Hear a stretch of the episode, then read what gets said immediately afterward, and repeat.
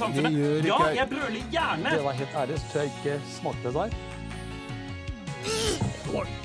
Jeg er jo egentlig en ganske flatbrystet pike. Oh yeah? Well, I love you too. Det ser jo ut som en løgn. Kjersti, sånn snakker vi ikke. One small step for man. Ja, du hører på Glede med TV-en, hvor vi ser på TV for deg, sånn at du slipper. Og jeg sitter her igjen med min bestevenn Sturlevik Pedersen. Du slipper ikke unna. Nei, nei, nei. Du sitter eh, Er det hvit uke? Nei, det er ni uker, sier jeg bare. Sånn er Ja. Ja. For min hvit uke det er når jeg er uten Sturle. Det må, Ja. jeg må ha en liten sånn detox av og til. Ja, ja, ja. Men du sitter altså et par hundre meter fra meg. Og snakker med meg gjennom en PC-skjerm. Ja, det gjør jeg. Nå ringte det. Jeg vet ikke om det ble forstyrret på linjen, men nå ringte det fra regnskapsfirmaet vårt, Markus. Um, Er det sant? nå er vi ille ute, og da er det bare å trykke på lydløs og fortrenge det som skjer. Det er meg og deg her i denne i virtuelle studioet vårt. Men vi har, altså, vi har flere med oss denne gang. Det er ikke bare Sturle. Nei, det er jo ikke bare det. For vi har med oss Arild tilbake fra Sicilia. Ja. Det var Cecilia du var på? Det var Cecilia jeg var på. Min hvite uke er gående fordi jeg har ikke fått litt farge på kroppen engang. Nei, Jeg ser er like, jeg er like hvit som når jeg dro. Ser litt rød ut. Ja, faktisk. uh, det er rart med det. Men uh, sånn min hud uh, koser seg, da, når vi er i Syden. Men jeg så jo at du var på Jeg fikk en snap at du var på en colombiansk restaurant Ja. på Sicilia. De er jo veldig opptatt. Det var jo litt sånn turistmagnetstripe. Var det med svigerfamilie, og, og da må man reise der det er tryggest, og det er der eh, turistene er mest velkommen. Eh, og da var de veldig opptatt av um, å pushe det gudfaren-symbolikk, altså filmene Gudfaren. Mm. Ja. Det eneste stedet på Italia hvor de liksom sier mafia høyt, da, på Mm. den stripen der. Men de, de brukte feil sånne bilder. De visste, de bare tok de første De hadde vært på Google bildesøk og bare funnet det første bildet av Al Pacino de fant, og det var jo fra Scarface. Ja. Uh, så jeg følte meg som den TV-nerden som bare Faktisk er ikke det der gudfaren. Det der er Ja, faktisk men det er dårlig, da. Det er, Det er sånn dårlig. som- Det er litt sånn der hvis du skulle sette bilde fra Star Wars og Darth Vader, og så er det bilde av Mufasa fra Løvenes konge istedenfor. Ja. Men, ja, det er samme fyret, men det er jo en helt annen rolle. Eller de har turist, eh, turistgaten i Norge, så selger de liksom eh, islandske flagg.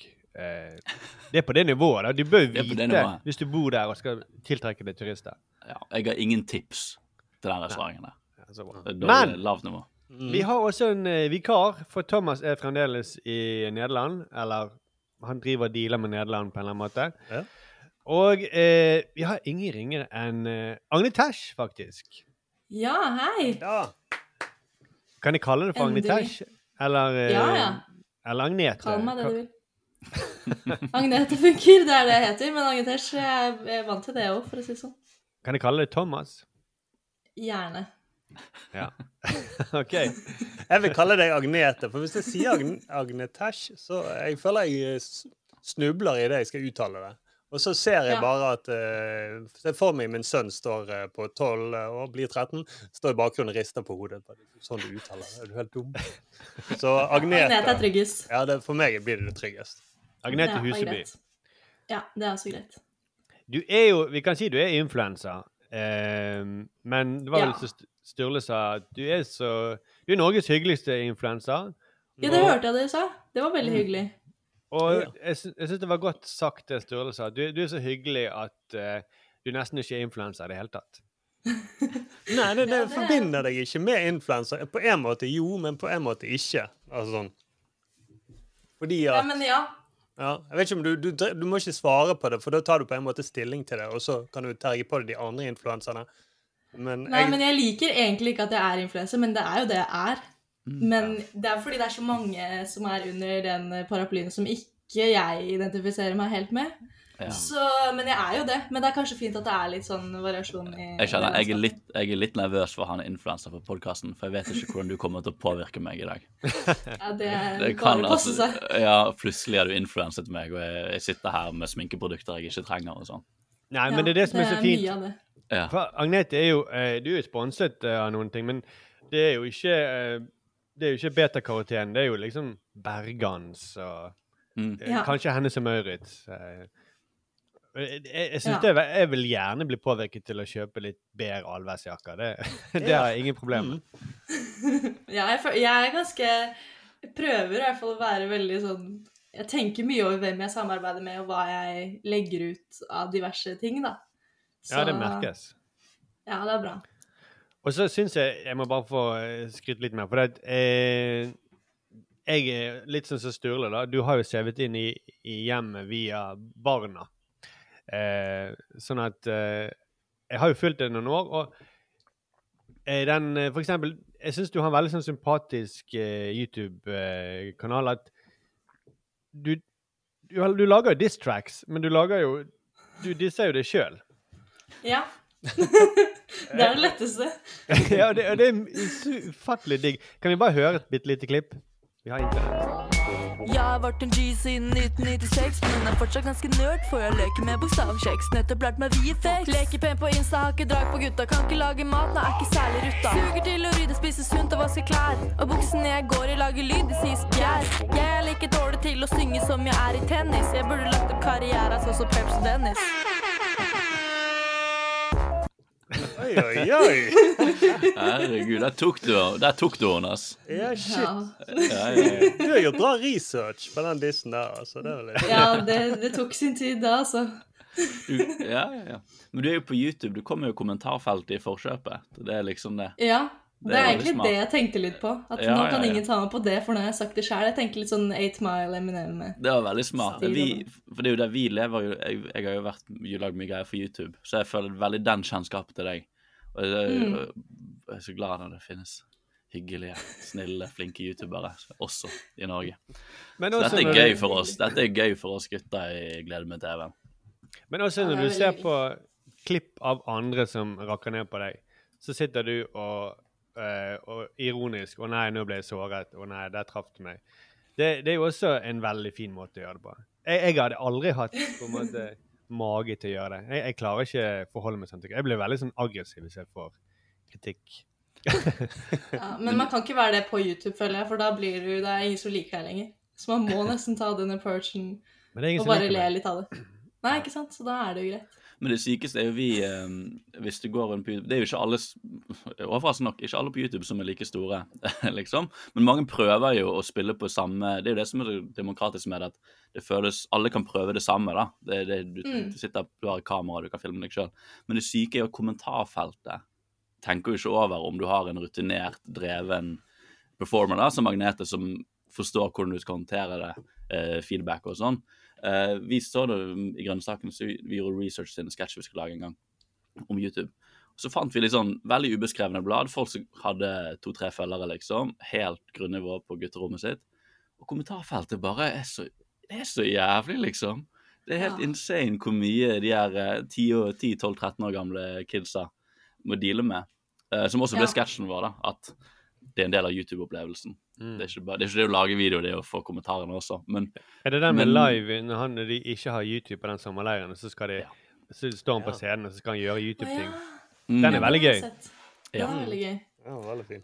Men det, ja, og det, det er jo derfor jeg synes det er veldig forfriskende, eh, Agnete, at du tar den der i forkjøp. For det er det usagte med YouTube. er den der, Jeg tror For foreldrene sin side tenker man at det kun er videoene de skal reagere på, at hva er det du sitter og ser på, men de tenker ikke Ja. over at opplevelsen går jo utover videoen også. Det er jo et kommentarfelt som sitter der og, Mm. og er minst like stor del av opplevelsen for de som lager det, Ja. for de som ser på. Nå føler jeg at TikTok er den nye på en måte, verstingen på det kommentarfeltgreiene. Ja. Der er det jo ikke noe Det er jo helt sjuke tilstander der. På Mm. som helst, liksom. Ja, det er veldig rare retningslinjer på TikTok. Det er noen ting som er bare sånn Dette, dette tar vi ned videoen med en gang vi stenger kanalen din. Dette er helt forferdelig. For vi Ja. hadde en gang en sånn Det var egentlig bare en som smalt noe fyrverkeri inni ovnen. Det var en, en, en sketsj om strømpriser, at folk eh, folk skulle eh, Istedenfor å bruke eh, strøm på ovnen, så kunne du smelle fyrverkeri i ovnen og samtidig steke kalkunen til eh, på nyttårsaften. Men det klippet det ble tatt rett ned, for det var farlig. Ja. Ikke sant? Men copyright og alt mulig annen sånn eh, drittslenging, det er helt lov. Ja, jeg også. Jeg malte et bilde av Donald Trump som Kim Kardashian, og det ble fjerna fra Community Guidelines. Så jeg var sånn, ok, det, det var ikke lov. Men alle Fordi- liksom små jenter som danser i bikini. Det er helt Ja. greit. Fordi du mobbet Kim Kardashian, da? Jeg vet ikke. Hun hadde på kjole, da. Det var ikke Så, det er noe så rart. Nei, det er jo veldig rart. Men du, det, var, det var ingen sånn hint om hva, det, hva du hadde brutt? Nei, det sto bare at det var brudd på community guidelines. Så jeg har ikke peiling. Det var et maleri, liksom. Og det var ikke veldig ekte tegna. Altså, dere kan jo se det der. Det er, Du man ser ser at det er tegna. Jeg ser bare Harry Potter bak. Men hvis du løfter frem Ja. Oi, så fint. Det var veldig fint, da. Ja. Men det var ikke bra nok på TikTok. Nei, så rart. uh, mm. Men han var jo en for lenge siden, mener jeg jeg har hørt. Og så var det jo en som tok selvmord på TikTok. Skjøt seg sjøl. Den videoen bare rullet og gikk. eh, Nei. Jo, jo, som, Ja. Blant annet mange norske barn som fikk med seg den. For det var jo sånn i Aftenposten. Ja, Junior skrev de om Det det. så jeg. Det er derfor de har sånn de, delay på ett minutt på alle eh, livesendinger. Ja. Og så, men han ble tatt vekk til slutt, da, for det sprutet noe eh, blod bort på et malingslerret. Og da sa de å, å, det er maling, ta det vekk, ta det vekk. det». Men det var, tok en stund. da. Mm, ja. Ja. OK. Men eh, det er jo tydelig at du er ganske sånn eh, vant med TV. Men alle videoene dine er veldig sånn ekstremt gjennomarbeidet. Jeg vet ikke hvor lang tid du bruker på en video. Det er veldig varierende. Sånne diss tracks som det i stad, det bruker jeg mange dager på. Eller flere uker gjerne for å skrive og alt mulig. Men en vanlig video kan gå på noen timer, liksom. Ja. Så det kommer litt an på hvor mye jobb det er å klippe. Eh, men du har eh, For du er jo eh, tydelig Altså, jeg vet jo at du er sånn eh, Du er glad i TV. Du er jo for det første veldig mye på TV. Og Ja, så Jeg studerte på TV-skolen til og med. Oi. På Lillehammer. Ja. Ah. ah. Så jeg er veldig glad i TV. Ja, så nå skulle jeg stille Hva er ditt forhold til eh, idiotboksen? Men eh, Har du studert noe til Har du, eller? du leser bas les bacheloroppgaven hans, du, Markus, så kan du finne ut av det. ja, ja. Ja. Så du er egentlig på et nivå, et par nivå over. Det er egentlig du som burde laget denne podkasten her, egentlig. Ja, når jeg, jeg lette etter podkasten mens jeg var i Mexico alene. Og da dukket denne podkasten opp som når jeg drev og var inne på søkefeltet. Og da, det var da jeg oppdaga det. Og Ja. da ble jeg sånn Nei, hvorfor har ikke jeg gjort det? Åh, Ja. Så det var det første jeg tenkte. Og så hørte jeg på det, og så tenkte jeg det her må jeg dele videre. Så da gjorde jeg det. Ja, så så gøy. Så da på en måte er vi gjester hos deg, da, føler jeg nå. Ja, det, ja. Bortsett fra Ja, det er sant. På en måte. Velkommen hit. Hvordan er det i TV-media eller i TikTok? Kan man male bilder og bli På TV kan man, men eh, hvis du prøver deg på TikTok, så går ikke det. Nei. Eh, Vi skal eh, snart gå i gang med eh, Ukens snakkis, som jeg eh, tapte denne gang, om å, eh, den eh, trekningen om å måtte se Maskorama. Eh, og så skal vi gå gjennom TV-uken til Agnete og til Arild. Mhm. Og så skal vi også se Vi skal snakke om eh, offshore. Og vi skal prøve Denne gangen skal vi prøve noe helt nytt. vi skal prøve å, å gå gjennom hele episoden. Det er så mye å snakke om. Det er så tett i tett i tett med informasjon å lage. Vi skal prøve å snakke om det på 15 minutter. Det har aldri vært gjort før. Nei. Det er helt sinnssykt. Det kan være Det, det, er ingen, det er ingen som har klart å snakke om offshore på så lite tid før. Nei, det, det er så mye å snakke om. Jeg kjenner ikke til så mye internett, sånn sett, men det kan være vi blir tatt ned hvis det, vi bryter retningslinjer for podkast med å bare bruke 15 minutter på offshore. Det, I den forbindelse Vi har fått eh, Kristen Vorpvik. Han skriver at vi burde også se på Marerittet. Som Ja. er eh, et mareritt av en serie som vel skulle følge opp suksessen eh, Rød snø. Og så er det en eh, lenke til Så dette er også en sånn gammel NRK-ting som ligger i arkivet, da, tydeligvis. Ja, vi nevnte den litt grann når vi hadde en sånn påskespesial for lenge, lenge siden. Mm. Uh, Har du sett det, Sturle? Ja, jeg så jo det da jeg var liten. Eh, det var jo veldig skummelt. Eh, men eh, Er du klar for å se det på nytt? Nei, jeg vet ikke. Nå, kanskje. Det må jo være bedre enn offshore. Det må det jo være. Eller man vet jo aldri. Men jo, kanskje vi kan se marerittet, og så oppsummerer vi det på 15 sekunder. Gjør det? Ja. At du bare skriker i 15 sekunder? Jeg skriker 15 sekunder. Nei, jeg vil ikke legge meg. Jeg leser nå om marerittet. Eh, handler om ekteparet Nils og Eva som var på fottur på et lite sted i Nord-Norge. Mm. Så allerede her føler jeg at de har lært de dårlige leksene fra offshore. Ja. Eh, Det er alltid oppe kjedelig med de der eh, par i Nord-Norge. Ja, så det høres jo er Ja, ikke en god pitch så langt. Nei. Hvis jeg husker rett, så tror jeg det var russere som var skurker. Så kanskje det er aktuelt å se det igjen nå. Ja. Ja, det er faktisk en del ting som blir aktuelt. Sånne gamle ting.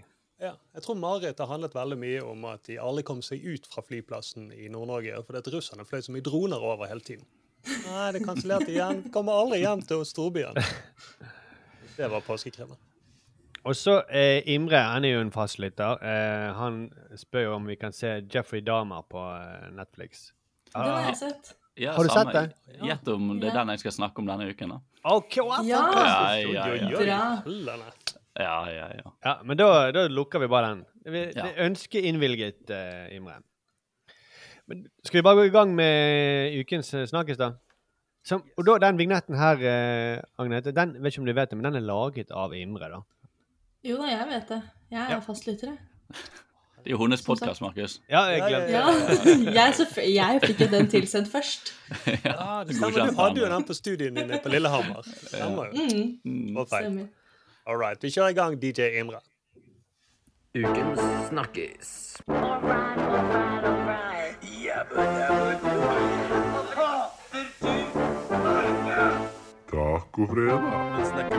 Uansett hva han sier. Ukens snakkis. Ja, eh, vi har jo denne podkasten en slags policy med at vi skal bli yngre og bredere. Og eh, derfor så ble en av oss tvunget til å se et program som vi vanligvis ikke ville sett, men som er veldig folkelig. Det var jeg som tapte eh, trekningen denne uken, og måtte se Maskorama.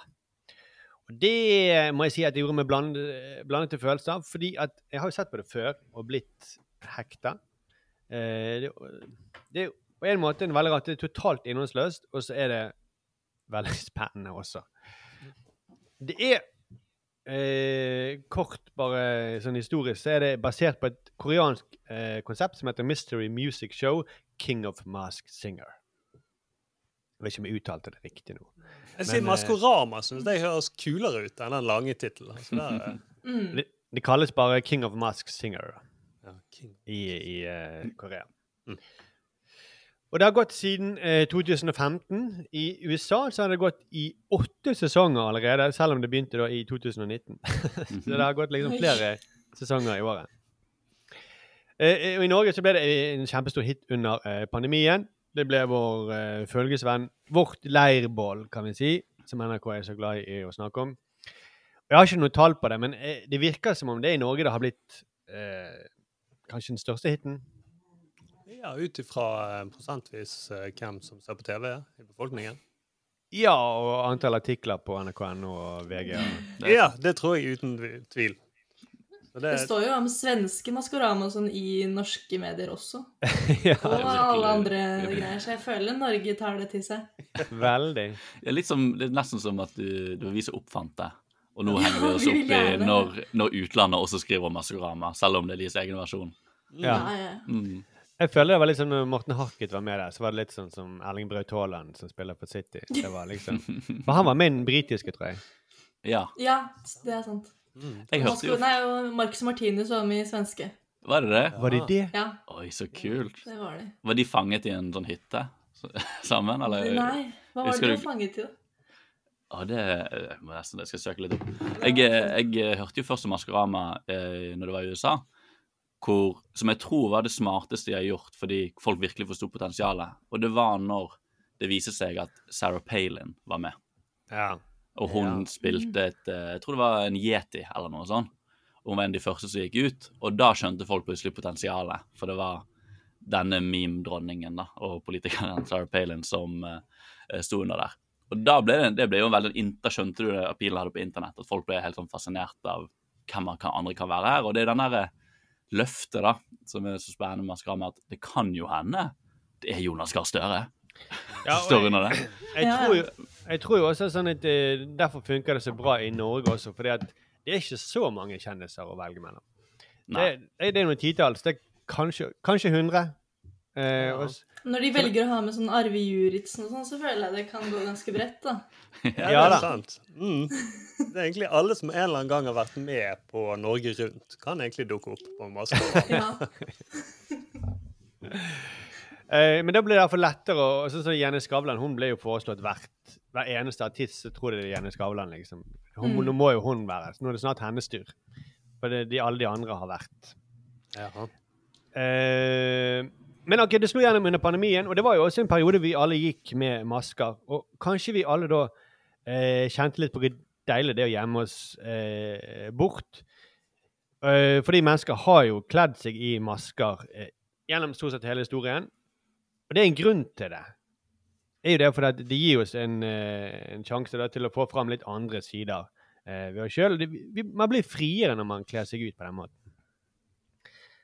Som eksempel i middelalderen, de hadde sånne store karneval. Da byttet jo eh, Dame var mann, og presten var tjener i noen dager, og så eh, snudde de alt på hodet. Eh, man lever ut andre sider av seg sjøl, og det sier jo også alle de som har vært deltakere, at det er så deilig. Det var så deilig å være på scenen og kunne være yetien eller snømonsteret eller Mm. Det er jo en teori på hvorfor eh, man eh, var så sein med å slå alarm når svartedauden kom til Norge. Det var jo fordi mange trodde jo at de byllene de hadde i ansiktet, det bare var masker.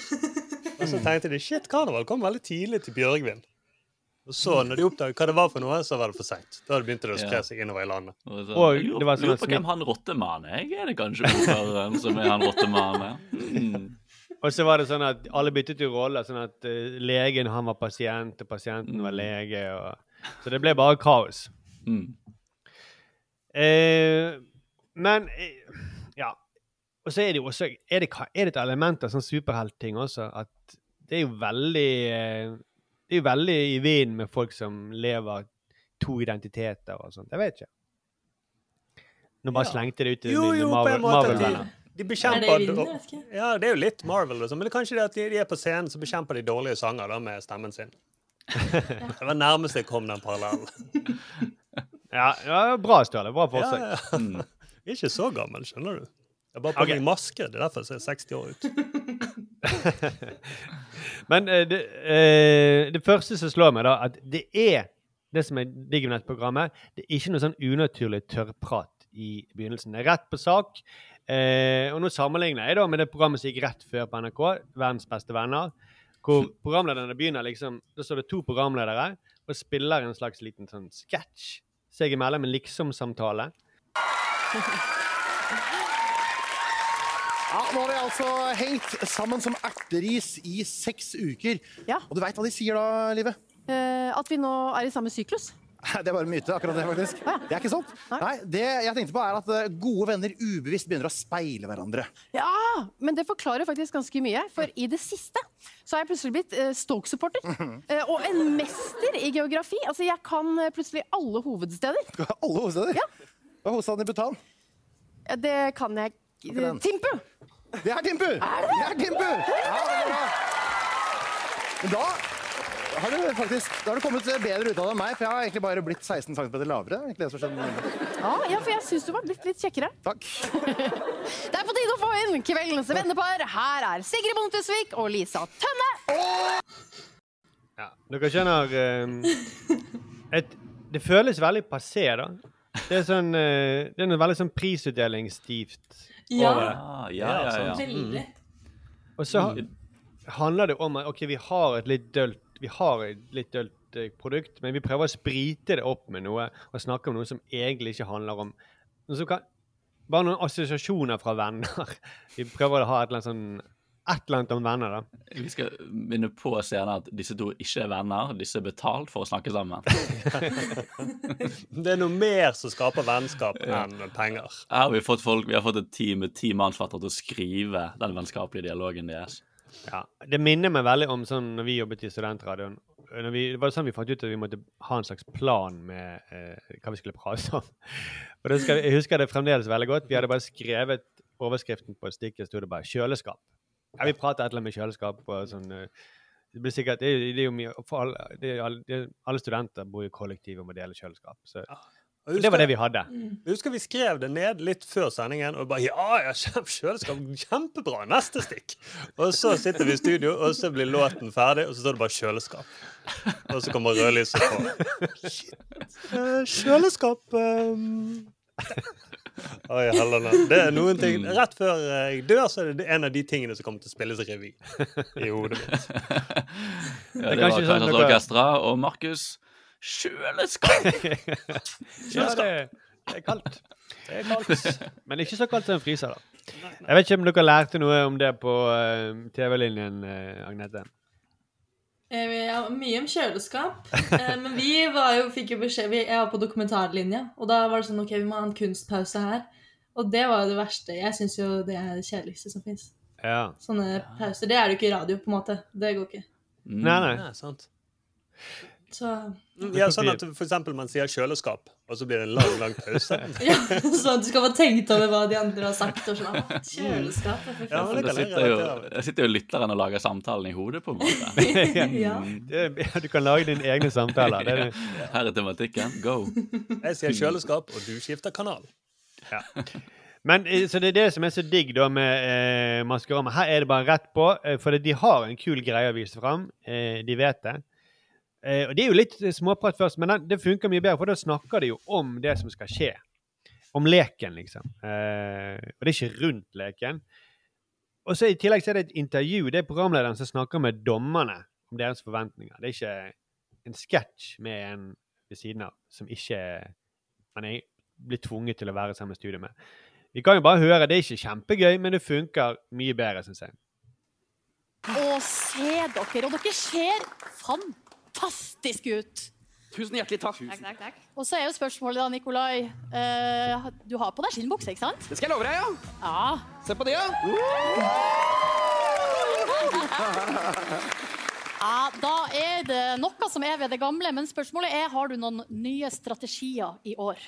Det jeg lærte i fjor, er enda tydeligere at alt kan skje i dette programmet her. Eh, Det er umulig å forutse noe som helst. Folk kan være mye lavere enn man tror, mye høyere enn man tror. Det kan være flere mennesker inne i en maske. Eh, Det er, helt umulig å forutse, så bare følg nøye med. Det er mitt råd til alle dere der hjemme. Det, man blir jo mye mer fylt med Det, det er jo det, det er relevant for det som skal skje, da. Ja. Mm. Jeg skulle ønske alle rettssaker startet sånn som det er fremover. Også. Ta en kjapp prat med dommeren. Ja, du skal lede tenksaken. Har du på deg skinnbukse? Ja da! På lykketrusen min i dag, jeg. Har du på parykken i dag òg? Ja, Vi skal ikke bli justismord denne gangen. Men alt kan skje. Vi har vært der. Alt kan skje. Alt kan skje, følg med. Jeg vet det. hva. Um, men der sier jo han, bare for å hoppe litt inn der, Markus, der sier jo han um, Ram han sier jo noe som går inn på noe som er litt min sånn hemsko med, med dette konseptet. Mm. Han sier 'alt kan skje'. Og da kjenner jeg For det er mitt lille issue da med Maskorama. For vi har snakket om gjetting tidligere på Mm. denne podkasten. At jeg er veldig glad i å gjette. Sånn Ja, nei, men, men det er forskjell på kvalifisert gjetting og bare gjette helt random. Her har Ja, du jo fordi- liksom noe å gjette ut ifra. Ja, men det jeg mener, det er det jeg syns Maskorama taper seg på. At det blir for Det er for åpent. Det, det kommer det Det blir den der eh, Gjett hvem jeg møtte på butikken i dag-gjettingen. Som er, folk ikke liker. Ja. Um, og det er det jeg syns er rart, fordi samboeren min hun er jo fan av Maskorama. Mm. Men og det syns jeg er rart, fordi hun hater jo å gjette. Sånn som når jeg sier sånn Hvor mange sykler tror du det er i Oslo? Da blir hun sur på meg. Men når sier du dette, Arild? Sier du det når dere egentlig skulle snakket om noe helt annet? Ja, når det er sånn Jeg har sett på alle disse regningene. Hvor, hva er dette for, for? Jeg bare Du, sykkelen i Oslo, hvor mange har tenkt på det. Men, men det syns jeg er gøy, for da kan man jo Det er litt sånn der eh, Det er ingen grunnlag for å vite det, men du kan jo, hvis du har lyst tenke kreativt sånn hvor mange familier og hvor mange per familie kan du få sykkel Du kan liksom komme på et slags tall, og så er ikke det så viktig at det er helt nøyaktig, men du kan liksom Du setter i gang noen gøye prosesser. Ja, men, Men- men, men det er noe annet enn å si 'gjett hvem jeg møter på butikken i dag'. Ja. For det, det ja. for det er sånn alle mot én-gjetting. Hvor mange sykler tror du det er? Så da kan du gjette ut. Må du liksom resonnere det fram til noe. Ja. Og så min mening om gjetting er da at det må funke i et slags så-scenario. Dere vet skrekkfilmene Så? Ja, ja. Ja. Uh, hvor han er skumle jigs og han dukkemannen uh, fanger deg. Og, og hvis han sier 'Jeg har begravd en nøkkel i magen din', og eh, den løser opp eh, den bjørnefellen du har på hodet ditt eh, Det eneste du må gjøre, er du må løse en liten gåte for meg. Eh, om gåten da er 'Gjett hvem denne syngende hytten er', da gidder ikke jeg prøve engang. Nei. Du bare dreper deg selv før han får gjort ja, det går bra. Jeg, det går fint. Jeg, jeg, har ikke noe det, Hvor skal jeg begynne? Ikke sant? Men det, det er jeg litt enig i, for øh, og det, det, er- det er mitt litt ankepunkt der. For de har noen sånne hint underveis Mm. Som er helt elendige. Ja. Du skal, du skal liksom tenke De setter deg ikke på sporet av noe som helst. Hun hytta, da, det viste seg å være Birgitte Skarstein. Ja. Birgit. Ja, Birgitte Skarstein. Ja. Eh, og hun eh, Det er derfor du, du går på TV-linje. Det er, Det er derfor Ja. du er programleder. Og så var jeg med henne på. Skal vi danse. ja. Ja. Ikke sant. Hun, da eh, Hintene om henne. Hun snakket en slags sånn innenlandsdialekt i introvideoen som viste ikke et hint. Det var bare villedning. Bare Så holder hun opp et brettspill. Og så holder hun til et boligstrøk med plen og port. Eh, og så sier hun sjøl at vi er glemt store deler av året, men noen ganger er, det vi, er vi det viktigste av alt. Samlingspunktet for liten og stor. Og så heiser hun et norsk flagg. Og så spilles Reiseradioen-musikken. Eh, reis, ja, sant? Eh, hvem i all verden skjønner at det der er Skarstein? Det kan være Men Anders det er jo Breivik. ja. sport. Akkurat det flagget og sånn er jo litt hint, da. Men de vil jo at det her skal kunne gå i åtte episoder, eller hvor lenge De det begynner går. vel med de, de begynner jo med de dårligste hintene, gjør ikke de? Det er vel Ja, ja, ja. at de må begynne med sånn de liksom. Ja. Eh, men, Men de, bre- de brant seg på det første sesong. Det var jo litt det, tror jeg. Hvor de liksom viste elgen med en Baileys-flaske. Det var jo altfor lett at det liksom er Marcus Bailey. Ja, ja, ja. Så jeg tror de har Jeg gått- trodde det skulle være Kristoffer må- men det er jo Jegermeister. Christian Valen, mener jeg. Ja. Men eh, ja, nettopp. Men, ja, men norsk flagg kan jo være hvem som helst. Det kan jo være Nadia Hausenoi, eller det kan jo være Anders ja. Breivik. Det kan jo være liksom alle mulige i Norge. Fordi min, min lille, lille fiks da, er jo at jeg syns de burde hatt noen ekstremt konkrete hint, som bare burde vært sånn Vi har eh, med På scenen i dag skal det være en idrettsstjerne, det skal være en politiker, det skal være en eh, toppidrettsutøver. Mm. Hvis vi bare vet det, sånn helt grunnleggende sånn Jeg vet hva jeg skal se etter. For da kan jeg begynne å lytte sånn OK, er det en proff? Og se, vi har en internasjonal stjerne. Mm. Og så hvis de da og så tenker jeg, Oi, ja, kanskje det er bare Gerard Depardieu, kanskje? Kan jeg begynne å tenke. For det er der hodet mitt går. Ja, for det var også Um, et problem at det, det var det, det er en fin eh, balanse der, men hvis, det er en fin måte å gjøre det på. For i, når Martin Harket var med, så sang han vel Sang han Sin egen sang. Take On Me, eller sangen Shun Always Shines on TV? Nei, eh, han sang iallfall Sun always shines on TV, tror jeg. Ja. Ja. Mm. Som er det, det er jo for teit igjen, da. Ja. Men kanskje ikke den sangen er så kjent i utlandet. det vet jeg ikke. Nei, sant? Den var ikke den største hiten deres. Men OK, eh, så det, det er jeg enig med det, Arild. Det er godt Mm. innspill. Men jeg Eh, pleier å lage meg den regelen sjæl, jeg. Når jeg, Ja. For jeg, liker, jeg ser på det, og så gjetter jeg masse, for jeg syns det også er veldig gøy. Ja, hva så er din tenker jeg at altså, Det er en influenser der, det er Ja. en artist. artist. Mest sannsynlig ikke liksom den største artisten, kanskje. Og så Mm. er det en eller annen sånn som skal være for de eldste, og så skal det være en som er for de yngste.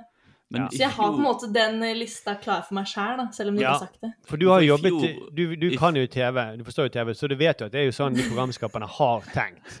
Ja, jeg vet. Men for i fjor, så, i fjor så følte jeg de bommet på det. Det var jo det, det som var um, vitsen med Maskorama i fjor, var jo at det var så mange obskure, kjente mennesker, da. Som Mm. da tok ut luften av ballongen hvor du følte litt at er det et poeng å gjette hvem har Arve Juritzen i bakhodet Ja. nå til dags, liksom? Sånn, ja. Det er litt sånn, jeg tenker sånn kanskje i år er sånn, er han tykke med briller fra Heia Tufte med? Liksom. hva er liksom Hva er referansen til de som står Hva er referansene våre her? Men- jeg tror derfor jeg trenger litt denne hjelpen fra For jeg kan også tenke sånn Hva er det serieskaperne vil? Men, men jeg tror jeg trenger litt hjelp med å bare forstå hvordan de har tenkt, da, på en måte. Eh, Men du, å- tenk om eh, Ja, sant. Eh, altså, det er jo åpenbart Agnete, du er jo en kandidat til å være blant en av de. Ja, ikke Ja, jeg følger Altså med. fordi jeg var jo Jeg skulle egentlig være her forrige uke, men jeg var syk. Og jeg Ja. var også syk i løpet av helgen, så jeg skulle egentlig være i en bursdag også på Mm. lørdagen. Mm. Eh, som jeg ikke kom på. Og alle vennene mine bare sånn 'Herregud, så flink du er til å synge!' Jeg var sånn oh. Ja, takk. Så de er jo helt overbevist om at jeg er dandy. Der, Men jeg er jo ikke det, så jeg, men jeg syns jo det er gøy at de Jeg vil jo gjerne at de skal tro det. Da er du på en god plass i livet når folk tror du er med på Maskorama. Det er litt gøy. Ja. Legger du ut strategiske so- SoMe-poster på lørdagskvelden? lørdagskanalen? Det skal jeg begynne med. Ja. har, min største drøm er egentlig at alle tror jeg er der, men så er jeg ikke der. Så jeg slipper å gjøre noe av jobben, men bare alle gir meg den creden, på en måte. Det er jo gratis PR, da. Det er jo egentlig det. Ja, ja. Mm. Så jeg håper det bygger seg opp litt mer. Men, eh, men det er jo ikke meg. Men det kan jeg jo si om det hadde vært meg også. Man Ja, du ville jo ikke sagt det. Avgjørelsen sa det samme. Eh, Men ingen spurte. men, vet, vet du hva et hintet med avgjørelsen var? Et av hintene Jeg bare leste gjennom sånne hint på det. Mm. Det sto det var sånn button var, Regnbue var jo for så vidt greit. Eh, fordi han er homofil. Men det, det var også en annen der det sto uh, you, 'You've seen me on TV'. Ja, selvfølgelig. Det er jo alle. ja, det gjelder jo alle sammen. Og så sto det Mindre hos det er sånn kjendis, kjendisfarmen. Som jeg en, noen sesonger tenker her, jeg kjenner ikke igjen noen av disse kjendisene. Hvem er de? Nei. Ja. Det er det eneste. Men uh, alle må jo ha blitt sett på TV, da. Ellers skjønner jeg ikke hvor man skulle ha de fra. Men, TikTok. Kunne vært TikTok. Ja, det er sant. Nå er det jo Ja, det er jo ikke det samme. Det er sant, det. Men, men, all, men de, hvis du skal opp i NRK1-ligaen, så må du ha liksom vært på TV, tror jeg. For ellers er ikke du på radaren til noen i NRK Underholdning. Det vet jeg. Garantert. Jeg har jobbet der. Men Agnete, hvem har du, har du, siden du eh, har gjettet sånn, har du noen eh, du føler deg ganske sikker på, eller er det noen du har peilt deg inn på i år? Altså I fjor var jeg veldig sikker etter første Da hørte jeg liksom Victor, siden han er en god venn av meg, så hørte jeg det med en gang, liksom. Eh, men i år syns jeg det er mye vanskeligere. Mm, Jeg, ja. Jeg føler kanskje liksom Henrik Thodesen er han ene han rabagasten. Ja. Jeg tenkte, For det på hørtes Te- litt sånn jeg tenkte Tete Lind, han er Tete Lidbom. Ja. For han, han, han var veldig sånn atletisk og Men trøndersk. Tete er litt for kul til å late som han er så kul, på en måte. Tenkte jeg på.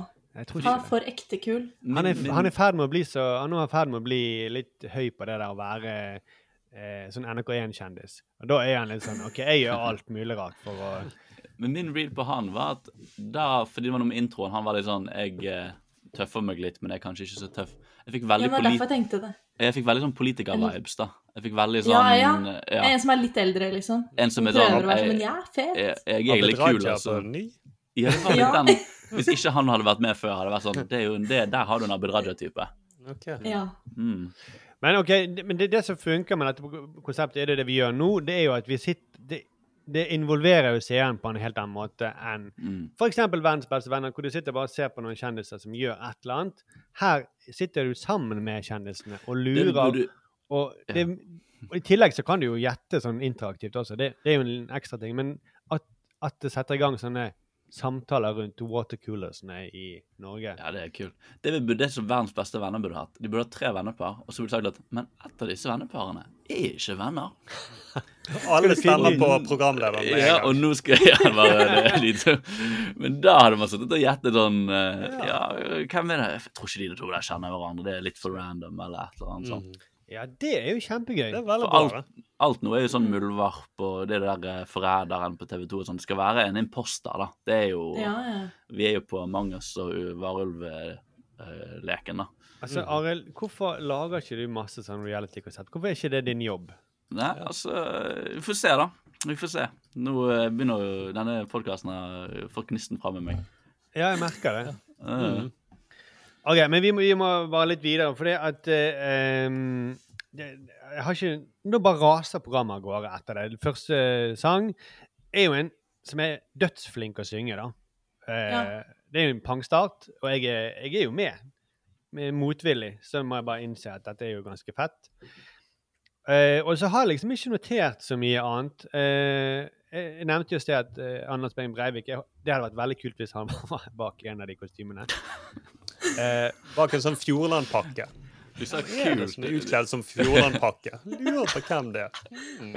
det hadde blitt en snakkis, iallfall. Ja. Nei, Det høres ut som han holder seg på nesen når han synger. Hvem er det som er i Fjordland-pakken? Det ser ikke ut som han liker mat. Og så er det også nytt av at det er en kjendisdommer med. Det er jo litt eh, den, eh, Det er tydeligvis en ny hver gang, da. Nå er det Ulrikke som eh, var der, som har vunnet før. Eh, Hun bor, jo, litt hun bor jo i NRK-gangene, så det er vel lett for henne å bare Hun bor jo i den Ja. Mm. Vi sier jo alle hei til henne når vi går inn døren. Hei, Rikke. Sitter Ja. hun i Gi henne litt småpenger. mm. Forstår. Men hun er jo eh, Det skaper en litt sånn ny dynamikk mellom dommerne som er litt bra. Og så er jo Marion Ravn Hun er jo et funn. Altså, hun Mm. er dødsflink å prate, og så er hun, hun er kvikk, og hun er kul og morsom. Og så kan hun Hun, er, der- hun kan jo musikk. Så kan kan ja. høre dette er en artist, dette er ikke en artist. Eh, egentlig sammen med Nicolay Ramm. Det er dette han er skapt for å gjøre. Ja. Ikke eh, Jeg skal ikke si Han er jo en, en veldig hyggelig fyr, men eh, han er bedre. Jeg, synes faktisk, jeg liker han bedre som dommer i Maskorama enn eh, som sportskomiker. da. Oh, ja, jeg trodde du skulle si programleder i japansk gameshow. Eh, ja. Og så er det Jan, Jan Hvordan Tom, eh, koster dere på Jan Thomas? Hvor? Ja, fordi Mm. han er jo vittig. Mm. Eh, eh, men så er det jo fordi at han er helt ute. uh, veldig lange resonnementer. Så han, bare, han, bare, han er jo veldig sånn Han er sånn mannemann at han bare tar ordet, og så eh, driter han i alle andre. Driter om det Mm. tiden går, eller om andre ikke får komme til orde. Og bare holder på ordet, og så eh, Og så ender det opp i noen veldig rare løsninger som ingen er med på. Altså, han tror jo hvert år at Han tror eksempel dette her er Martha Louise. There's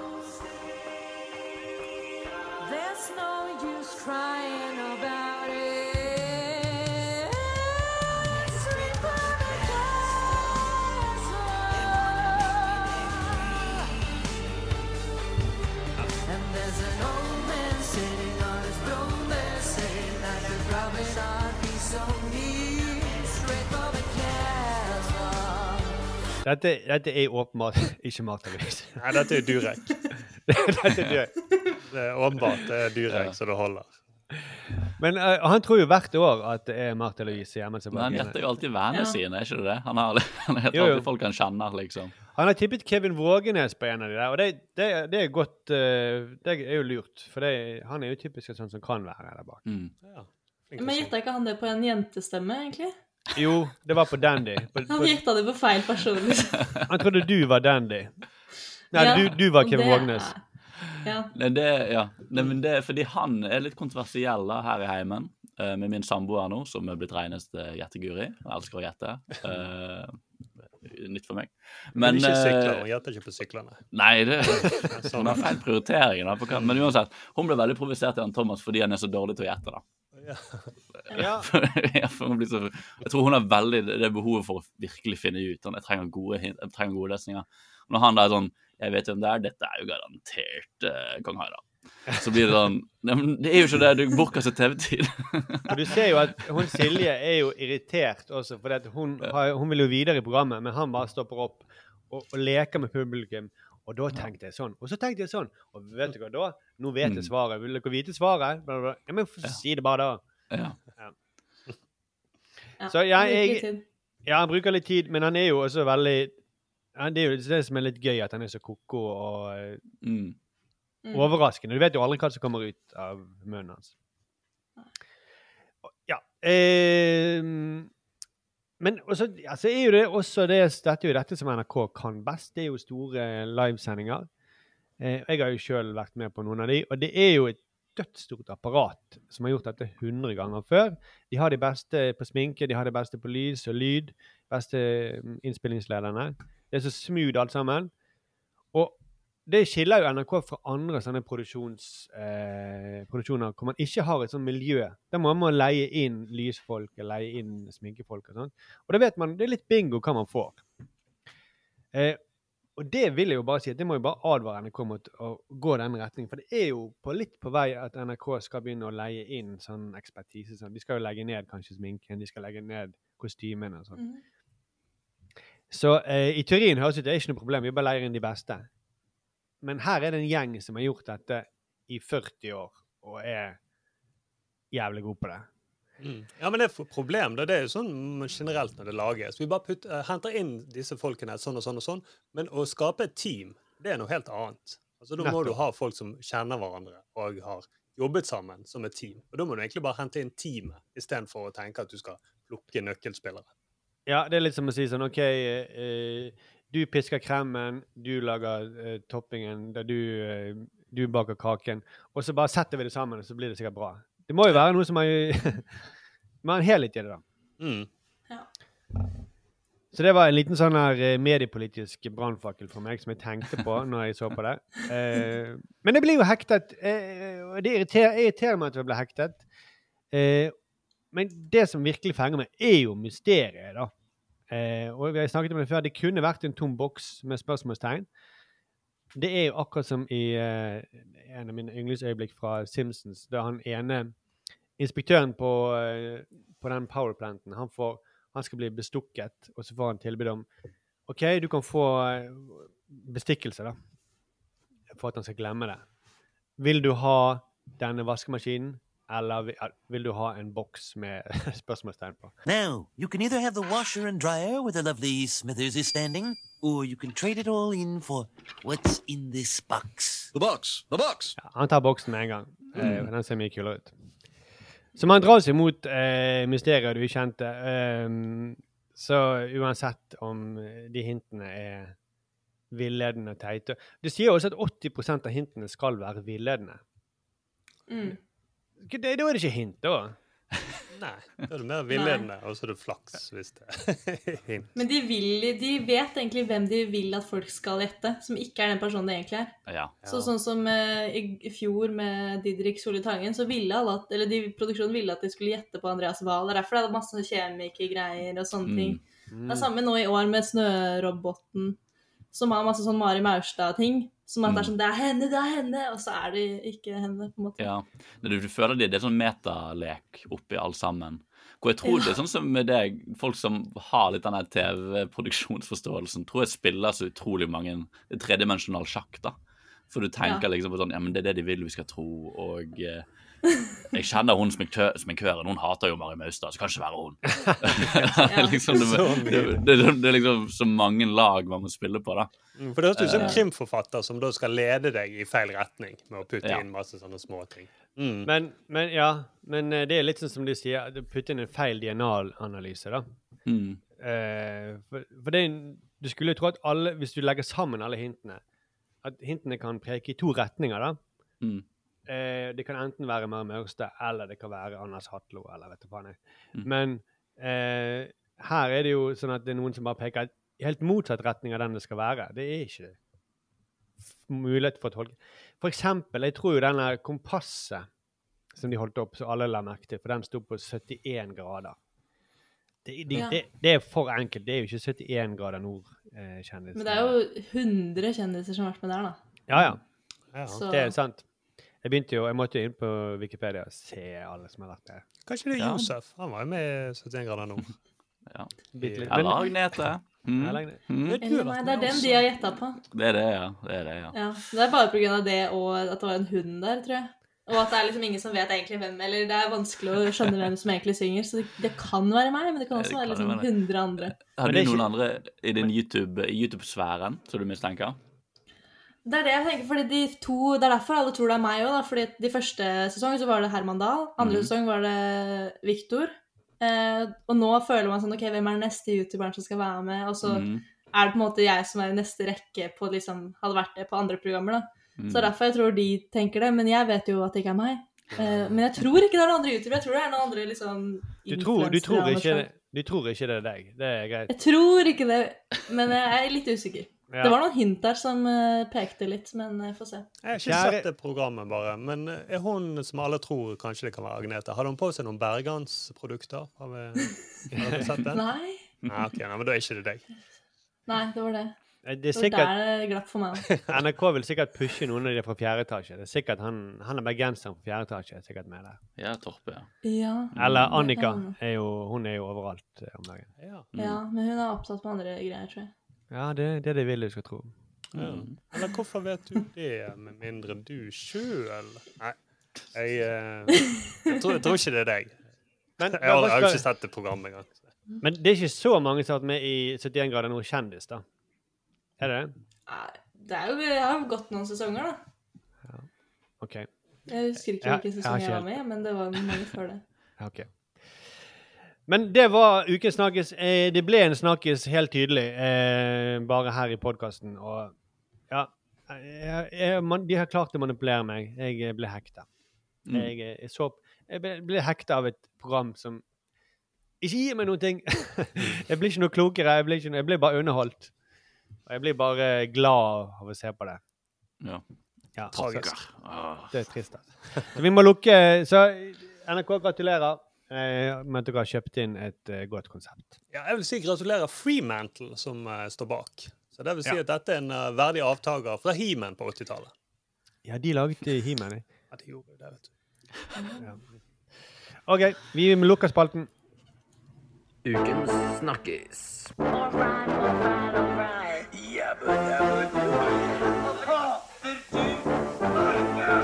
Tacofredag.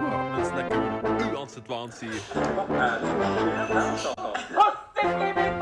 Ukens Snakkis. Da setter vi over til eh, Det kan jeg så si. Han er Halloman i begynnelsen. La dere merke til det. Han er Halloman i begynnelsen av Maskorama. Han er blitt en slags sånn her uh, boksehype-man. Han var vel også Ja. det på eh, første episode av eh, Verdens beste venner, hvor han sto liksom og ropte inn. Det er blitt hans nye rolle, det. På lørdagssatsingen. Ja, han er jo i den norske Beefyr-serien. Ja, det der- er jo det der han, han er, eh, ja. boksefyr. Ja, stemmer. Det er boksefyr at han er sånn som annonserer i rødt hjørne. Ja. Og, og, mm. Ja, Ja. Så da, da Ja. jeg følte meg plutselig som han. At ja, nå sitter jeg over til kveldsprogramleder. Det er Agnete! Hei! Hvordan har din eh, TV-uke vært? Den eh, Jeg føler at jeg har sett eh, Nesten bare sett på TV denne uka her. Eller jeg har sett mye, sett mye forskjellig. Jeg følger jo med på litt sånn Jeg følger med på mye. Så jeg, jeg følger jo med på liksom Forræder, jeg følger med på 71 grader nord. Nå har jeg begynt å følge på Ex on the Beach, som eh, jeg prøver å få mamma til å se, bare fordi det er liksom det sjukeste, føler jeg. Fordi hun følger med på 71 grader nord, hvor, han, hvor en som heter Christian er med, som er fra Ex on the Beach, og han er med igjen Ja, ja. nå på Ex on the Beach. Men med Eh, ny dame, da? Men med, med dama si. Ja. Og det er eh, underholdende å se på. Også fordi jeg er så veldig glad for at jeg ikke er der med dem.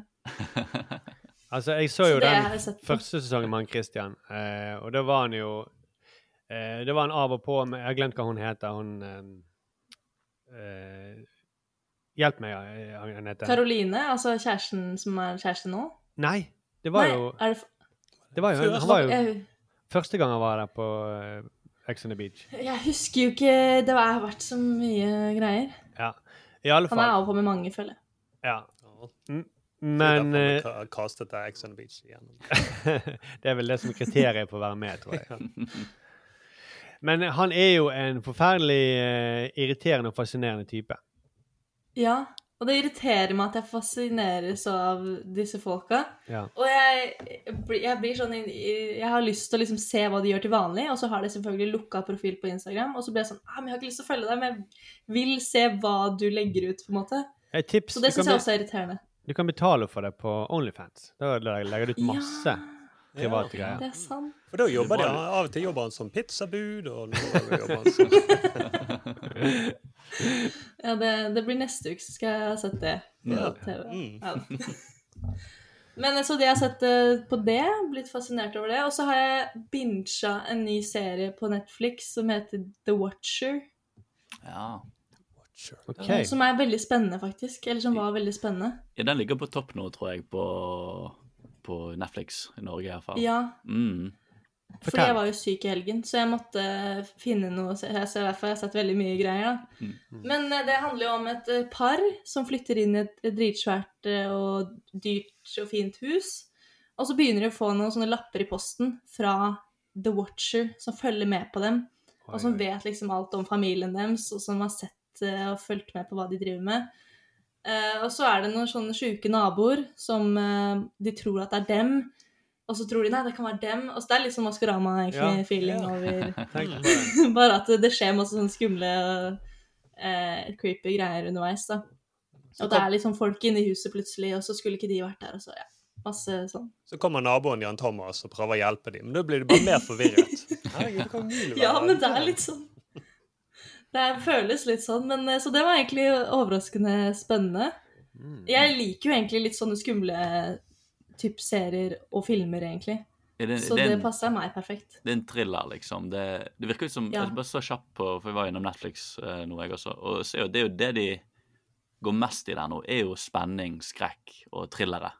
Vi er jo Ja, i men det er jo eh, oktober. Mm, er, ja, det, er- det, er årets skumle, det er årets skumleste måned. Det er det. Ja, Mm. jeg liker det egentlig. Mm. Sjokktober, som jeg kaller det. Oi, oi, oi. Ja, ja, ja. Vet du hva, er du burde i eh, tillegg, i tillegg, til- i tillegg til å jobbe med utvikle TV, så burde du jobbet i reklamebransjen. Arild. Åh, det er så mye jeg burde gjort. Jeg, jeg, jeg burde tjent penger, det er det du mener? Jeg burde gjort, burde gjort ting som faktisk ga meg eh, god økonomi. Tenk deg det. Istedenfor å I gjette hvor mange sykler det er, så hadde du jobbet.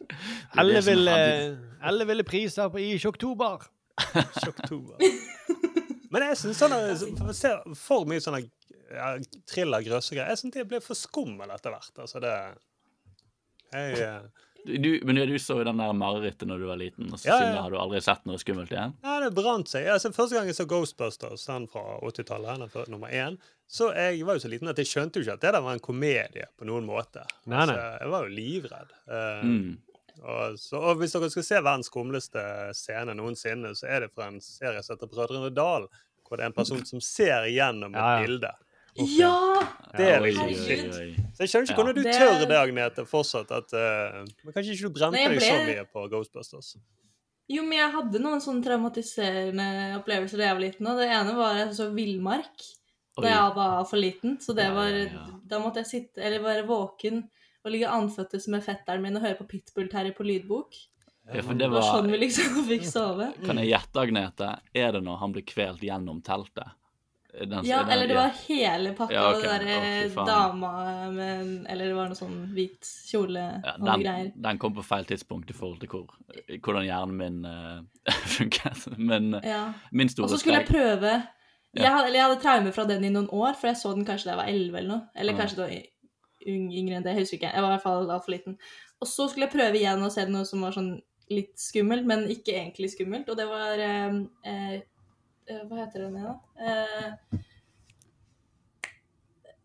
eh, ikke den Rute til ninja, men den første versjonen av den. Å ja, ja, ja, ja, han der eh, Ja ja, jeg vet hva du mener. Ja, ja. Ja, som Aksel Hennie har alle stemmene i. Ja, selvfølgelig. Terkel knipe. Terkel knipe. Ja, Ja, Mm. som er en eh, veldig gøy film, egentlig. Animasjonsfilm. Ja. Ja, Men den som er egentlig dansk. skummel eller stygg Ja, det har noen sånne scener.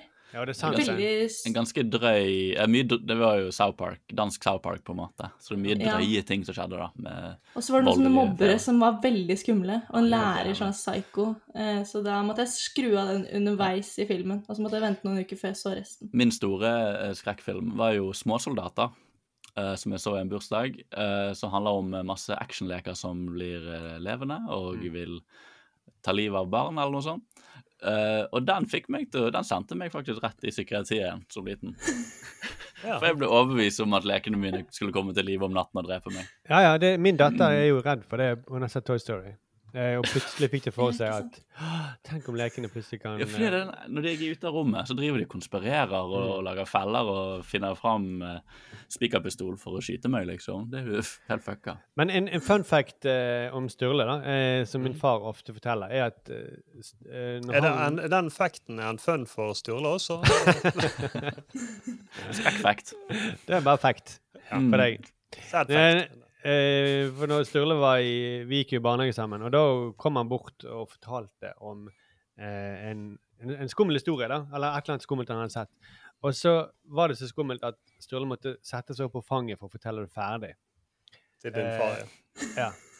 For, så, for du levde det sånn inn i det. Så skummelt var det. at du måtte- Du skremte deg sjøl. Det er så gøy, jeg, tror jeg gjenfortalte Ghostbusters eh, uten at jeg klarte å gjenfortelle den. Men det var så skummelt i mitt hode at det bare satte meg opp og fanget til din far. Så det er sikkert, For alle andre som lyttet, så var det sikkert ikke skummelt. De bare, Jeg, bare apropos, så har jeg nettopp sett jeg, Jeg skulle jo se med min datter så skulle jeg se Ghostbusters. Skal vi se den nye eller den gamle? Nei, vi ser den nye. med de damer og det er liksom fett. Og den er jo da ikke laget som en sånn tullefilm, så den er jo dritskummel fra begynnelsen for Mm. en åtteåring. Så vi skrudde den, og så så vi på den nye, den gamle, som er tullete og skummel nok. Men det som hun syns var skummelt, er når hun er Sigourney Weaver, når hun får sånn her, blir sånn besatt i øynene. ja. Mm. Mm. eh, og blir en litt annen ekkel person og prøver å ligge med han. Altså det er veldig sånn Mm. Hun bare likte ikke det at hun Spøkelsene var ikke så skumle, men det var det at personen skiftet Det er vel som lekene, da, som plutselig skifter eh, Du vil, du vil, jeg tror du vil ha litt kontroll, da, på en måte. Og hvis man kan folk plutselig bli en annen person, kan mamma plutselig ville ligge med pappa. Mm. Uten å være besatt. Eh, men, uh, men jeg hørte en teori da, som jeg stiller meg litt bak. da. Eh, fordi de ser jo nå med, med skrekkfilmer og thrillere. Det er jo en av de sjangrene som gjør det best på kino. Eh, og den eneste sjangeren som faktisk klarer å konkurrere mot superheltfilmer. Mm. For det har jo vært en sånn store narrativ at sånn superheltfilmer på en måte ødelegger litt for alle de gode historiene man kan fortelle da, på store lerret. Men den eneste sjangeren som faktisk klarer å konkurrere mot i forhold til å tjene penger, det er skrekkfilmer. Uh, Mm. Så det har blitt en sånn De tatt opp den kampen da, mot å, med å fortelle originale historier. Uh, Det er og- bra. Ja, og det syns jeg er kult, for det er liksom en sjanger som i sin natur skal ta for seg ekte ting, sanne ting. Mm. Eh, de beste skrekkfilmene og, og thrillerne de spiller jo på kanskje ikke nødvendigvis samfunnsaktuelle ting, men ting vi mennesker kjenner i oss som vi har lyst til å eh, liksom krangle med da, i hodet vårt, liksom. Som er disse fryktene og, og, og sånn. Strømpriser eller Ja, ikke minst. Men, men sånn, ja, liksom det at du kan lage en skrekkfilm rundt noen som plutselig mister penger, ikke sant? plutselig ikke har råd, og så gjør de desperate ting. Det er jo en samfunnsaktuell ting, eller satireting, men du kan også Hvis du har en, eh, en kemner med krok eh, på hånden som skal komme og tale tingene dine og drepe deg hvis ikke du betaler regnene dine. Men jeg syns bare det er så kult da, med skrekkfilmer at det er veldig kommersielt. Det trigger oss fra vi er liten til vi er gammel. Det er superkommersielt, egentlig, for det er så enkelt. Eh, men Og så passer det jo veldig bra på en stor skjerm òg, da. Ja, og det er kollektivt. mulig. Ja, det er kollektivt. Det er gøy å se det med andre også. Det er noe sånn utrolig grunnleggende. Jeg så jo den uh, Syk pike nå. Jeg òg, jeg så den i går. Ja, ja den er veldig gøy. Og det er jo det er en ny uh, um, film av en norsk film uh, som gjorde det veldig bra på Cannes. Jeg skal få han regissøren opp uh, på skjermen her, så jeg gir han cred. Mens vi Eh, gjør det, skal jeg bare si, for det er jo noe med at det er jo som, det er gøyere å se Det er som jeg sa, berg-og-dal-bane alene er ikke like kult som å gjøre det sammen med andre. Hvis du hadde Mm. bare sittet og tatt berg-og-dal-bane i din egen stue, så hadde du vært Men Michael så- Jackson kunne sikkert gjøre det på det der Neverland. Ja, men, det, er så skill, det som er så kult, så grunnleggende ting jeg føler skiller skrekkfilmer fra um, si superheltfilmer, som jeg ikke egentlig har noe imot. Men bare den grunnleggende er at når du går ut av kinosalen, da vil du prate om det du nettopp så. Mm. Du har lyst, Ja. til, du har lyst til å ta tak i de dilemmaene karakterene blir satt opp i. Du har lyst til å ta for seg tematikken til filmen. Mm. Sånn som Syk pike, som er regissert av Christopher Borgli, som har eh, lagd Han har regissert eh, litt eh, TV-serier for Viaplay og lagd den filmen Drip, som ingen har sett, men som er en kul film. Uh, som er litt, folk er litt sånn Kanskje han er en ny Joakim Trier. Man begynner å kjenne litt på at han kanskje uh, Den handler jo om uh, en som er ekstremt oppmerksomhetssyk, og går så langt at hun begynner å selvskade seg sjøl. Med å kjøpe noen piller som hun ikke bør ta. Som vansirer henne, ødelegger henne, tar livet av henne basically, og gjør at hun ser helt forferdelig grusom ut. Men da får hun masse oppmerksomhet fordi at folk syns synd på henne. Hun har så behov for å bli synd på. Eh, og Mm. handler jo om en sånn psykopatisk oppførsel som sier masse om samfunnet. Mm. Eh, og det som jeg synes var kulest med den filmen, var at i kinosalen, hele første raden, var det en haug med 14 år gamle jenter som digget det. Så Eh, satt og helte Pepsi Max i øynene og det er så kult, syns jeg. Og det er den der, det skrekkelige, det forferdelige, det som trigger deg, og du blir så gira, og du blir så spent, og du kjenner kroppen. Um, så det er en sånn sjanger. Jeg tror det er der du kommer til, man kommer til å se at flere og flere av de sånn store, sånn moderne fortellerstemmene vi får, da vil jo komme ut av skrekkfilmsjangeren, egentlig. For de som faktisk har lyst til å si noe Mm. utover. Jeg synes Det som også var veldig gøy med den filmen, eh, var at det var så sykt mange sånne bitte små roller som ble spilt av sånne dritstore stjerner, på en måte. Masse eh, fjes, liksom, som bare er i bakgrunn. Mm. I en av de første scenene så bare sitter Cezinando i en sofa. Det er kanskje ett klipp hvor han er med. Mm. Og så- bærer han altså, med seg med sofaen med seg. ja, for det handler også om sånn stjeling. eh, For så det Det- her ble spilt inn før han ble tatt, så det er jo litt ekstra gøy. Det er jo for så vidt en uh, fun fact. Min samboer så jo Cezinando gå midt i byen uh, med en annen med en dame, og så holdt hun en svær stol som hun bærte på.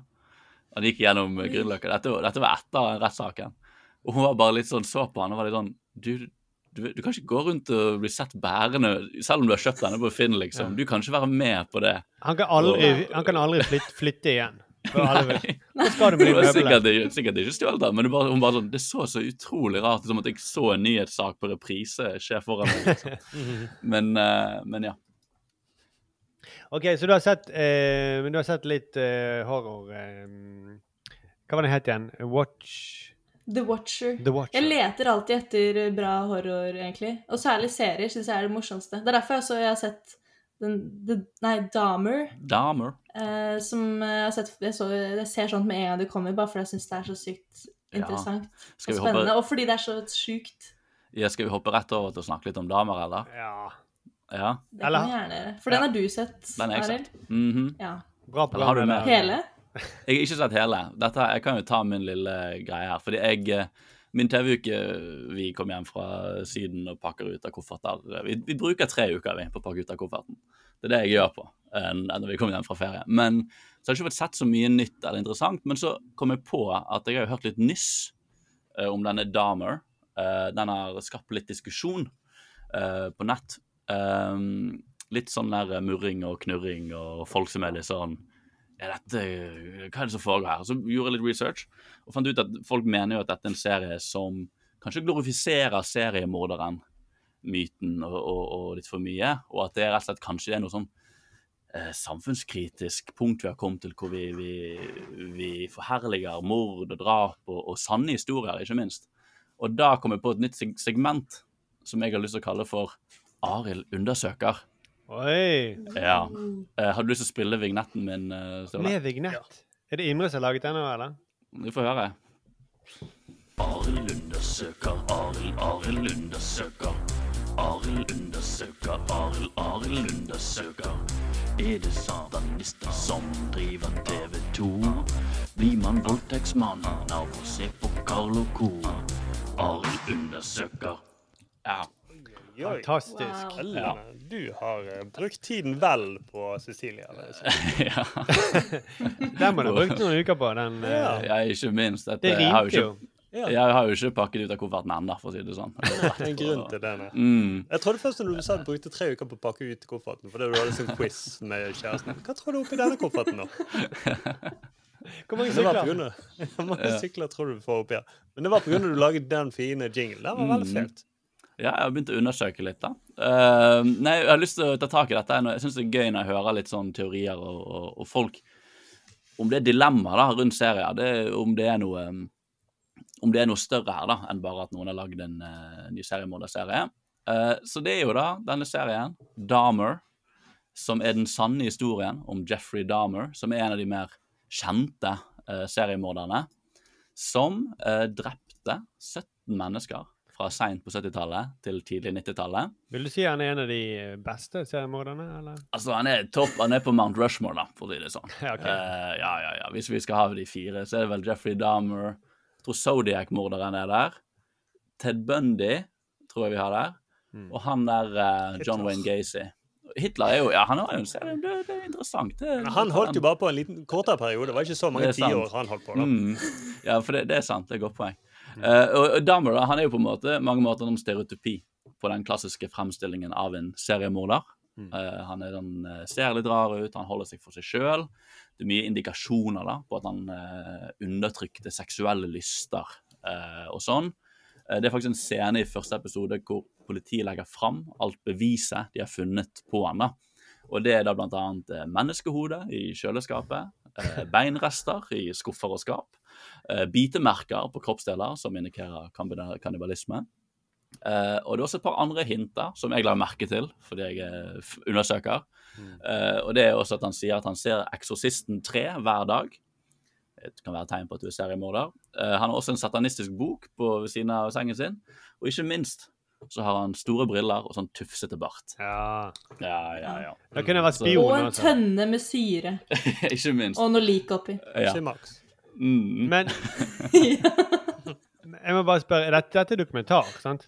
Nei, dette er altså da en, en, um, en slags true crime med skuespillere, manus. De har gjenskapt historien om Jeffrey Dahmer, Mm. um, som er jeg tror det er der den kritikken kommer inn. Hvor folk er litt sånn Men hvorfor må vi gjenfortelle hans historie? Hvorfor må vi få sexy Hollywood-skuespillere til å spille han? Og, og hva får vi Hva er egentlig verdien, da, eh, av å liksom bli minnet på at han her var holdt på og var så grotesk? Um, han blir jo spilt da av en skuespiller som heter Evan Peters, som noen kanskje kjenner fra X-Men-filmene. De eh, Eller fra American Horror Story. ikke minst. Eh, hvor han uh, Samme skaperen, da, er ikke det? Som har lagd American Horror Story, som er bortpå her. Han Ryan Murphy. det har jeg ikke sjekket. Det kan godt hende. Jeg tror de har uh, en godt arbeidsforhold, at han liker å bruke folk igjen. Um, og han er veldig flink, da. Veldig flink skuespiller. Uh, hans tolkning er jo tolkningen av en mann som har tufsete bart.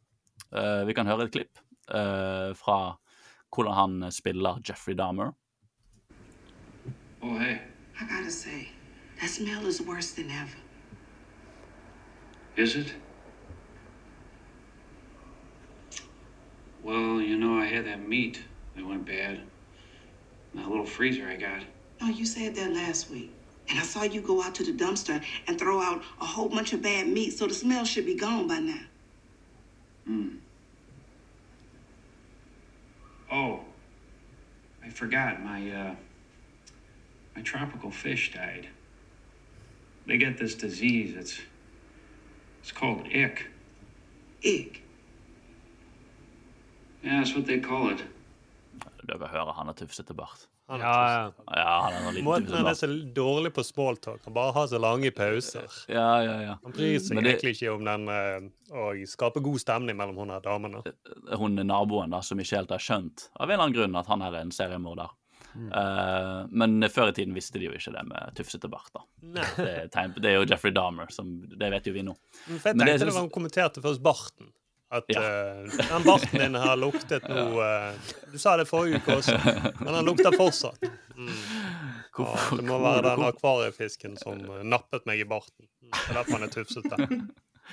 Hvis dere har litt den stemmen i hodet, er bare dette en liten detalj, da. Men um, han høres veldig ut som uh, den komiker uh, som heter Joe Pera. Som han høres veldig ut som. Mm. Eh, som er en litt sånn eh, Vegard Tryggeseid-aktig komiker fra USA. Bare mm. spill eh, klipp av Joe Pera, hvis dere har litt den stemmen i hodet. Hello. My name is Joe Pera, and I'm sorry that you're having trouble dozing off. That's why I made you this show. Because in my opinion, falling asleep is one of the best feelings there is. Even better than harmonizing with your boys. Så det du sier, er Arild, likt. det du sier, Arild, er at VG Tryggeseid er en seriemorder. Ja, det, han har jo tufsete bart. Har det? Ja. Uh, nei, men jeg syns det var litt vittig, fordi han Joe Pera da, han, han sa, Jeg så leste intervju med han, hvor han liksom sa han plutselig fikk så mye meldinger, nesten som at folk trodde han var med på Maskorama. Uh, men han var litt sånn Oi, jeg tror alle vennene mine eh, sender masse meldinger fordi at jeg har et nytt standupshow ute. De kan sikkert gratulere meg med det. Alle meldingene var sånn Hei, har du sett den her fyren som spiller Jeffrey Dahmer? Jeg tror han gjør en parodi på deg. Bare, det er den minst hyggelige meldingen jeg har fått, det er at noen spiller meg som en seriemorder på TV. liksom. Um, så Um, du på 70-, 80- og 90-tallet? Hva gjorde det med eh, kjøttet ditt når det ble ja. Men ja, eh, det er jo Jeg så jo Veldig bra at du er her, Agnete. For jeg, jeg, eh, jeg så første episode, forholdt meg mest til den, da. Eh, Veldig litt bra første episode, da, eller? Ja, den første episoden er kjempebra. For den Jeg er jo egentlig litt sånn mettet på sånn true crime og, og, og horror og sånn. Eh, jeg fikk jo, Men jeg kjente jo nå Jeg fikk jo litt den der gnissen tilbake i den første episoden, for den er så smart satt sammen. For det er så spennende. Og hele, hele første episode eh, Du vet ikke helt hvor du er i tidslinjen til historien om Jeffrey Dahmer. Men For den forholder seg bare til én hendelse. Så hele episoden hopper ikke mye fram og tilbake i tid. Det bare sier nå skal vi være med Jeffrey Dahmer når han prøver å, å få seg sitt siste offer, da. Uh, Og det vet man ikke at det er det siste, da. Nei. Uh, dette er liksom Vi får se hvordan han går fram. Han går på en homsebar uh, i et sånn afroamerikansk miljø og klarer å få med seg en av de karene hjem. Og ganske fort så skjønner jo han fyren, for han ser jo den tufsete barten. Han skjønner jo å herregud, her er det noe på gang, jeg har lyst til å stikke. Han blir låst inne. Han eh, Dahmer truer han. Han doper han litt, ja. Eh, Hvordan gjør han det? og- Han gir han en? Gir han en øl? ja, han gir han en øl. Og han eh, kompisen som kommer inn Etter han har eh, låst døren? Nei, før. Ja, Fordi okay. det er jo litt under tanken. Det var det som var litt rart. eh, At han låste døren, og så dopet denne ned. Det var litt, Ja. Hvordan fikk han til det? Du, Det er jo den klassiske skrekkfilmgreien. Ligger en nøkkel nøkkel oppi denne ølflasken. Drikk den opp! Så skal vi se på Maskorama, og så skal du, vi så klare å gjette. Mm. Eh, nei, men eh, ja, du får jo den der skrekkfilmgreia med at du, kom deg vekk. Hvorfor har du blitt med han her hjem? Uh, men uh, men uh, så er det egentlig bare en veldig intensfullt 45-50 minutter lang episode som handler om klarer han er fyren å slippe unna. For han blir jo ikke drept med en gang. Du ser jo tydelig at han Damer har noe han prosesserer, noe han går gjennom da med disse ofrene. Han har lyst til å se på Eksorsisten sammen med dem. Han har lyst til å uh, ha, sitte med dem i sengen og, og være intim med dem, men ikke for intim. Han har lyst til å ta bilder av dem. Altså det, han, du ser jo han går gjennom alt det, og det er jo kjempecreepy. Herregud, det er jo så sykt ekkelt, du får den der ekle følelsen. Um, jeg tror mitt problem er jo med en gang jeg blir, kommer på uh, at dette er jo sant. Og der er litt det som ødelegger for min del med sånne ting, er å bli minnet på at men faen, han der fyren her fantes jo. Det, han potensielle offeret. Dette har jo skjedd på ekte. Og jeg tror det er der jeg faller av, der hvor andre går enda dypere inn. At jeg, jeg tror det, det blir nesten litt for ukomfortabelt for meg når jeg blir minnet på at han her fyren faktisk fantes, og disse ofrene er ekte. Um, fordi det blir Det er da jeg kan kjenne på den kontroversen. da. Jeg skjønner litt at det nå skal vi ta opp igjen den, den ekte historien til disse menneskene. Og hun naboen og alle som var involvert, og vi skal trekke fram igjen hvordan de ble rammet og påvirket. Mm. Og så er jo spørsmålet hva får man egentlig ut av det, da. Uh, jeg ser jo i episode to at de skal gå dypere inn i hvordan han Dahmer kanskje ble som han ble, de føler han fra oppveksten og sånn. Uh, men jeg sitter litt igjen med det, men jeg vet, hvorfor vil jeg vite det? Jeg trenger egentlig ikke vite hvorfor du ble som du ble. Jeg er bare glad for at du ikke finnes lenger.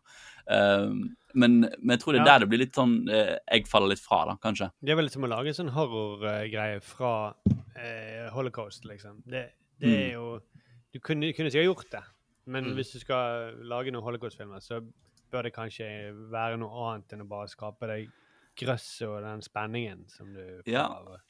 Men så er det jo sånn Kult er det for de etterlatte egentlig å se Å ja, det var onkelen min. Han var, han var såpass dum, ja. At han ble med han tufsebarten inn der, det, ja. det, det er noe annet enn sånn på Kon-Tiki når uh, Anders Basmo Christensen spiller en av de som blir dum. Sånn at oh, Bestefar var ikke så Ja. dum, da. Men han var med på Kon-Tiki. Herregud, var, det var jo en kul ting han var med på, liksom. Men når du ser her liksom ja, eh, ofre og sånn. Men, men det som er poenget, er at det er jo opplagt at jeg ikke Altså, det er ingenting å si at jeg føler det sånn, for dette sjangeren true crime er jo kjempestor. Ja, ja, det er sant. Eh, Det, er- det er jo en, bare sånn det er, egentlig. Er sånn det har blitt. Og Jeffrey Dahmer som en av de store, så skjønner jeg jo også det at han er en person man trekker fram. Men jeg vet ikke hvordan skal det med deg, Agnete? Er det det som treng, er det litt det som også gjør det ekstra spennende, eller glemmer du det litt, eller hvordan sitter du med det? Nei, jeg kom på det litt underveis mens jeg så på, men jeg syns Mm. jo egentlig det gjør det nesten enda mer spennende. For jeg Mm. liker egentlig de skrekkfilmene som kunne vært ekte, og når det er ekte, så blir jeg sånn OK, shit, det her har skjedd. Ja. Og så får jeg på en måte fortalt en historie jeg egentlig vet litt om, men ikke vet alt om. Mm. Og det som jeg syns er i hvert fall bra med den serien, da, som egentlig går gjennom hele, er at det blir, man blir aldri sånn Man sympaterer aldri for liksom han. Mm. Man eh, blir på en måte, man ser det litt sånn fra tredjeperson, man ser aldri fra hans perspektiv. Mm. Eh, og man eh, etter hvert også blir liksom mer kjent med noen av ofrene, sånn at man får veldig sånn shit, han er sjuk i hodet, liksom. Mm. Eh, og så har det jo også kommet ut en ny en som jeg også har sett, som er Jeffrey Dahmer Tapes, som er de Ja. ekte, på en måte, den ekte historien. Da. Og da ser man jo også at hele den serien som er på en måte filmatisert, er det er den ekte historien, liksom. Mm. Så jeg tror det kan hjelpe for at folk liksom eh, skjønner at ting har skjedd, og at det har jo gått altfor langt. Eller hele den der situasjonen med han var jo at han fikk holde på altfor lenge uten å liksom bli stoppet. Og han ble til og med Den ene gangen hvor han hadde med seg en 14-åring hjem, så klarte han å rømme. Eh, og så kom politiet, og så hjalp politiet han inn i leiligheten oh, til. Jeffrey Dahmer igjen. Og så drepte han han, men de skjønte ikke at han var et offer. Fordi Dahmer kom og sa nei, det er kjæresten min. Jeg kan hjelpe han inn. Han er bare full.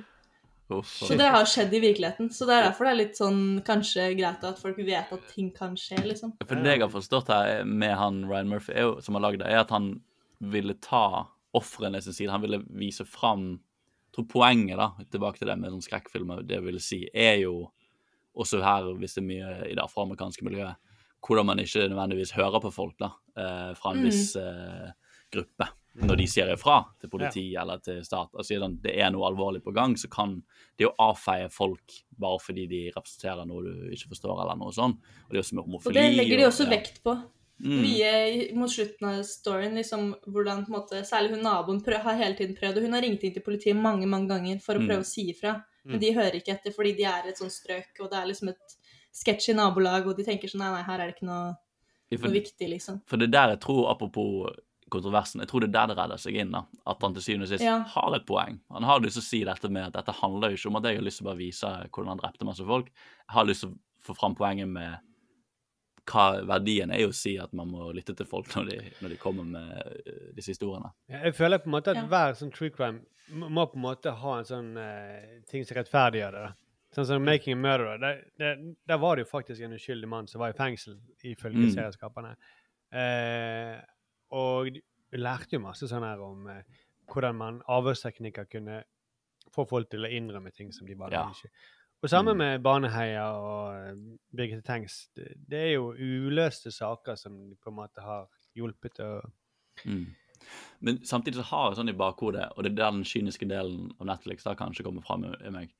Eh, for det, de har denne verdien. De, de vet at vi må, det må ha en, en grunn til å lages. Men det er en side av meg så jeg kunne sett for meg at Netflix kommer til å lage en serie hvor de sier sånn De kjører sånn Marvel-metoden. At de sier sånn Og nå har en portal til et annet univers åpnet seg, og alle seriemorderne jobber sammen! liksom Jeg kunne Ja, sant? At det blir sånn her multiverse. Hvor liksom alle Og her har vi alle de, alle de hotteste seriemorderne i én by. Å nei, hvordan kommer dette til Kan nesten Fordi det, det, det føles som at de, de kan få blod på tanna når de ser hvor mye folk liker det. At de glemmer det der oppgaven med at det, dette faktisk skal være samfunnskritisk. Altså, sånn. Arild, din, hjerne, din hjerne som er så bra for TV, den må du aldri bruke misbruke. Den kan brukes på den mørke Vi må alle gå over til den mørke siden. Mm. Altså, For i det multiverset så har de seriemorderne gått sammen og jobba sammen. Men de har også skapt en betalingstjeneste. Det kommer strømmer filmer som heter Netflix. Ja.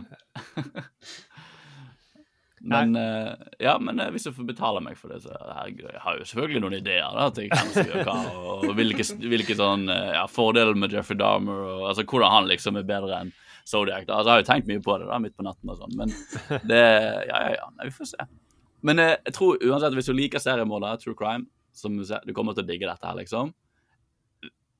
For å være litt frekk, jeg vet ikke om standarden på folk som elsker true crime er så høy, men det, så lenge du får se noe mord og noe freaky shit, så er du good. Og det, jeg elsker det. Jeg skal ikke kingshame noen. Jeg elsker at folk får uh, utløp for uh, de behovene sine. Men jeg kjente litt på denne her at jeg tror det ble, det ble for ukomfortabelt, og da har de også gjort jobben sin. Jeg sitter jo med den erfaringen at faen så fucker det. Jeg trenger kanskje ikke se åtte episoder om det. Den første episoden, veldig god. Jeg tror faktisk man bare kan se den første episoden og ha fått en veldig sånn klar formening om hvem han var, hvordan han funket, alt som var fucket med han. Og selvfølgelig da, hvis du har lyst til å gå dypere, så er Netflix eh, på banen og eh, dekker det behovet. Jeg følte liksom jeg så den eh, Det er jo ikke til sammenligning, men NRK laget jo en serie om Orderud-drapet. Og den følte jeg bare var sånn grafsing, fordi det kom ikke noe nytt der. Det var ikke noe sånn 'Å, han Ja. er uskyldig', eller noe. Det var bare Jeg satt og ventet på at det skulle komme noe sånt som rettferdiggjorde det. At jeg satt og syntes det var spennende. Mm. Men jeg følte meg bare skitten etterpå. Her, Ja, for nei, har skal du vi det. bare sitte og se på eh, Ta det opp igjen, det der Jeg tror, ikke sant, Der er du testen. er at du må kunne, Etter du har sett noe sånt, så må du kunne gå et, på en fest og kunne ta opp igjen denne serien uten å framstå som en creep. Ja. Du må ikke bare si sånn 'Jeg har sittet i tolv timer og sett på Jeffrey Dahmer drepe folk'. Da er du fucka. Er det. Da blir Jo, si replikken en gang til, men så lener du frem mot webkameraet, så vi bare får se på barten din. Ja. Jeg er litt tufsete. Jeg har sånn, Hitler-Bart, motsatt Hitlerbart, hvor det ikke går i midten, men det bare går ute. Jeg pleier å er- invitere folk hjem, og så ser vi den, eh, den der Orderud-serien, bare vi to sammen. Akkurat. Du må jo kunne ja, i tillegg si Men det er jo faktisk fascinerende hvordan politiet ikke grep inn. Da har du gjort, da har de gjort Ja, jobben sin. ja. Da er det sånn, dette er gjort en samfunnsoppgave. Så det er jo kanskje testen da, med en god true crime. Kunne du gjort det, Agnete? Kunne du gått bort på, til noen fremmede på en fest og sagt, eh, snakket om denne? Ja, det tror jeg. Bra. Og ikke okay. følt deg skitten. Følt at du faktisk folk ikke tok Nei, jeg føler at det er såpass liksom interessant. Særlig hvis folk har sett den, da. Så blir det sånn Shit, det der er ganske Tenk at det skjedde, liksom. Ja. Jeg vet ikke, jeg syns Ja. Du hørtes er litt, sånn- litt for glad ut nå. Det Tenk at det. Jeg. Og det her er Jeg bare kom på at jeg er jo, jeg er jo potensiell seriemorder bare å snakke om det. Hvor stor tror du den her eh, syretanken egentlig var? Altså, det, hvor mange får du plass til oppi en sånn? Jeg har kjøpt inn et par stykker. Hvem Ja. av de tror du var Men det skal jo faktisk sies, det jeg kom på en siste, en fun fact da, eller shock fact, Mm. eh, er jo at de sier jo at folk som ser mye skrekkfilm, de har gjort test, at de gjerne har litt høyere IQ enn andre. Mm. Fordi de, det er en mer kompleks prosess å sette pris på forferdelige ting, og faktisk se verdi i det. Uh, så det er sånn som folk som har sett eh, alle Hellraiser-filmene sier. Mm. Og eh, De som har laget undersøkelsen sjøl, eller de som ja. Jeffrey Dahmer har laget en undersøkelse. Mm. Nei, altså vi Det, det er det samme for så vidt de sier om komik, folk som setter pris på sånn drøy humor. Også, Mm. For det er jo det samme. Du aksepterer jo et sånt eh, å leve det Tankene lever seg inn i et eller annet. Du, du må skjønne at OK, dette er ikke på ekte. Det er Mm. ironi. Det, er, det er forskjell mellom ord og Ja. Og det kanskje er sunt at du får utløp for mørke tanker av og til. Det er jo en Det er jo denne parodien på folk som gir skrekkfilm, automatiske seriemordere, da. Uh, men uh, det, du ser måten Jeffrey Dahmer ser på Exorcisten 3. Han sitter liksom ikke og koser seg og bare wow, det er jo jævla fett. Han sitter og Det er noe med øynene hans der når han ser på det. sitter og noterer. ja, det er liksom det er, det er forskjellige måter å nyte det på. Mm. Det er kanskje derfor jeg er så lite Jeg er aldri sur eller sint, eller jeg er bare glad til vanlig. Og så ser jeg på masse skrekkfilmer, så jeg får Ja. liksom sånne der, Ja. Alt går ut til det, liksom. Mm. Så det er fint. Ja, men OK. Men da eh, Det var jo eh, Det var jo på en måte litt uh, creepy. Altså, jeg, jeg har for tynne nerver til å se sånne ting. Jeg er, jeg er det, blir, det blir ikke bedre med årene heller. Nei, jeg skal ikke se sånne ting. Altså. Det er sånn som når jeg tok, var i, i København og jeg tok eh, berg-og-dal-bane. Nei, nå er jeg for gammel for det. Jeg, jeg, jeg begynner å tenke på alt mulig rart. Hvordan Mm. dansker forholder seg til regler og sånn. For jeg har Hvor mye de drikker på jobb, tenker du når du skal skru igjen boltene på eh, berg-og-dal-banen. Sånn som jeg leste bare sånn, det sto sånn uh, historien til den ene rutsjebanen, som er en av verdens eldste eh, berg-og-dal-baner. Der uh, sto det at den Det er jo ingen sikkerhetsgreie, det er bare en sånn stang som står over deg. Og den kom på plass i 1993. Så det var liksom to år før meg og deg tok den Sturle. Ja. Det var det? samme firma som hadde for sikkerheten til Scandinavian Star. Det var det siste oppdraget de gjorde før det ble konkurs. Jo, vi har tatt den, ja. Det stemmer jo. eh, eh, Nei, det er skummelt. Jeg merker det, jeg, jeg klarer heller ikke lenger. Eh, Først så sier din far at jeg er for tung når jeg sitter på fanget hans. Så det at, nei, jeg ser ikke sånne ting. Men også fordi at sånn som det, det, det bygger seg opp. Det er perfekt sånn skrekkfilm. Du går på danskebåten. Eh, min datter og meg har jo veldig mye sånn allergier, så vi er vant med å lese. I Norge står jo alt. Dette inneholder eh, egg, og dette inneholder glut. Når du kommer på danskebåten, så er det ingenting sånt. Så er det sånn Nei, jeg vet ikke om det har noe i seg. jeg vet ikke om det. Så oh, fuck it. Og så skjønner du, de, de er slepphendt med alt her. Og så han han som styrer denne berg-og-dal-banen, han det, det er også en sånn eh, føler og bygger opp til et eller annet eh, krise. For han Når de, når de går er nedover hans? Ganske tufsete. Ja, sant. Mm. Og så står han står jo der, og så snur han seg mot oss eh, det vi skal før den første store liksom, bakken. Og så står han baklengs og så vinker sånn kult til oss eh, når han går nedover. Bare for å showe, da. Mm. Og du ser han, han er 23 og ja, fuck, Jeg stoler ikke på han i det hele tatt. Men hva en gang til? Han, han sitter helt fremme, er det det han gjør? Han Nei. står i midten på en måte og, og, og styrer den. Ja. Og så ser han rett fram, eh, og så snur han seg idet det første store bakken går ned. Sånn at han står med ryggen til. Ja. Mm. Og så gjør han en sånn peace-tegn, og så går det ned, liksom. Og så hvis han faller litt bakover, så faller han bare på gasspedalen. Sånn at det går fort. Og så hopper dere av i neste sving. Jeg tror dere kunne skrevet noen gode true crimes. Ja, ja. Dere, dere ser skrekkfilmer overalt. Jeg gjør jo det. Mm. Det, er det. det er det som er problemet. Jeg har, litt for mye fantasi, rett og slett. Eh, men skal vi da rett og slett gå til uke, ukens høydepunkt? Skal vi gjøre det? Ja. Vi kjører i gang.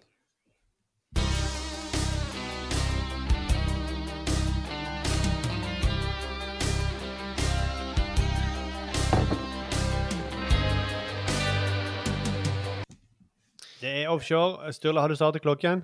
Ja, nå skal jeg begynne å starte klokken. Bare time alt rett. Agnete, du eh, har, sier at du, du har jo aldri sett offshore. Nei, Nei. det har jeg ikke. Eh, men likevel så Jeg gleder meg masse til å høre hva som har skjedd i denne episoden. Ja, ja, ja. Du er proff. All right. Mm. Da har jeg timeren. Nå skal vi prøve, sånn som du sa, Markus, innledningsvis. Vi skal prøve å holde oss veldig kort. Mm. Så nå har jeg den på Jeg kan holde opp. Dere ser jo ikke på det dårlige webkameraet mitt uansett, men der står det 15 minutter. Jeg ser mm. helt riktig ut. Ja. All right. Da begynner jeg, starter jeg nedtellingen. Og Gigantisk eksperiment. Der står det Ja, det er veldig. Og du har aldri kastet bort fem sekunder, Markus. Hvordan skal dette gå? Nei, tull. Nå kaster du bort noen sekunder. Nei. Nei, shit! Vi har mistet ti sekunder. All right. Det som eh, folk kanskje har lagt merke til, de som har sett Offshore, kanskje ikke du, òg, er at ingen av episodene har en tittel. Og Da tenker jeg at vår oppgave må være å gi hver episode en sånn meningsfull tittel. Det første jeg tenkte på, var an uh, unexpected, unexpected Journey, eller Telefon til besvær. Men Telefon- så telefon til besvær. Den er Det er ikke flere, dum, flere telefoner til besvær. Ja, kanskje flere. Eh, Telefoner til besvær i flertall. telefoner til besvær. Men jeg lander, jeg heller mot en helt annen, og det er, den er sånn som dette. It takes two to tango. Denne episoden handler veldig mye om forskjellige par. Og tango er jo en handling, og her skjer det jo noe. Det er action så langt som det går i offshore-universet. Ja, det er første gang det virkelig skjer noe. Det er ikke Ja. bare bygger opp, bygger opp. Det er noe som skjer. Ja, sant? Og episoden starter jo med Barbara, og at hun driver og eh, trener. Ja. Drar i en treningsstrikk. Det ser mer ut som hun har vaset seg inn i noe garn, da. Ja. Eh, hun driver, ja. har aldri gjort dette før, tror jeg. Og når Roar skal på jobben, så gir hun, en sånn, hun gir han en sånn iskaldt ha det. Sånn, det er ikke noe kyss eller snakk eller noe sånn ha det til deg. Og hun er jo sur fordi at Roar, mannen, som også er det å liksom eh, driftsdirektøren, han ville ikke gi kontrakt til dad i forrige episode. Her skjønner du at hun er ganske forbanna. Ja, det er dårlig stemning i det hjemmet generelt den morgenen. Det er det. Bob eh, spør jo mammaen du, hvor er gymtøyet mitt. Og Susan og altså, søsteren til Bob eh, hun driver også og krangler litt og løper ut døren. Så må jeg også påpeke at treningstøyet til hun eh, mammaen er jo, ser jo ut som at hun går med et fleecepledd. Ja. Og det er sånn svær fleecegenser som hun må, Det må være en sauna inni der, bare hun Uh, Jeg tror det er en av de gardinene som hun henger opp senere i episoden. Ja. Han henger opp Mm. masse sånn gardinprøver der som hun har på seg. Ellers er det en sånn fleecejakke, men den der strikket som hun driver og drar i, det skulle egentlig Mm. vært i den jakken og holdt til jakken på plass. og Derfor så ser det så posete ut som hun gjør. Hvor lang tid har vi brukt nå, Ståle?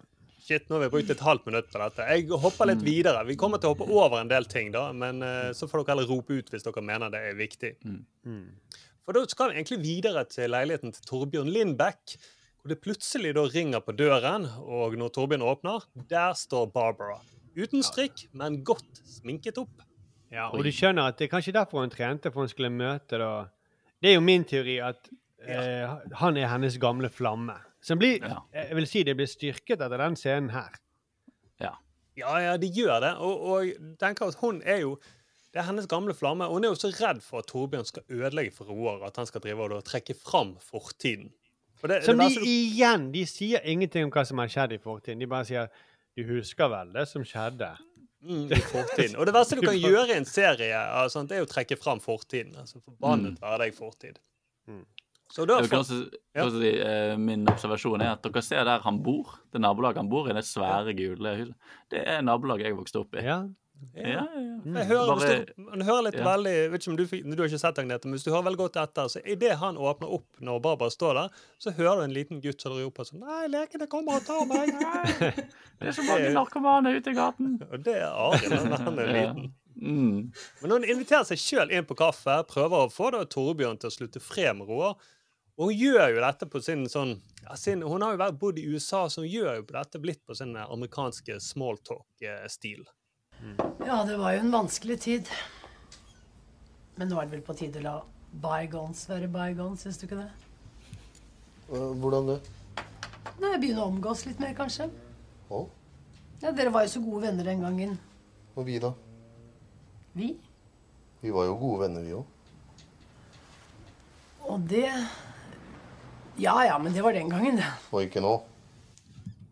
Torbjørn driver og stiller han litt til veggs etter hvert. da, sant? Han spør hvorfor er du her i hele tatt.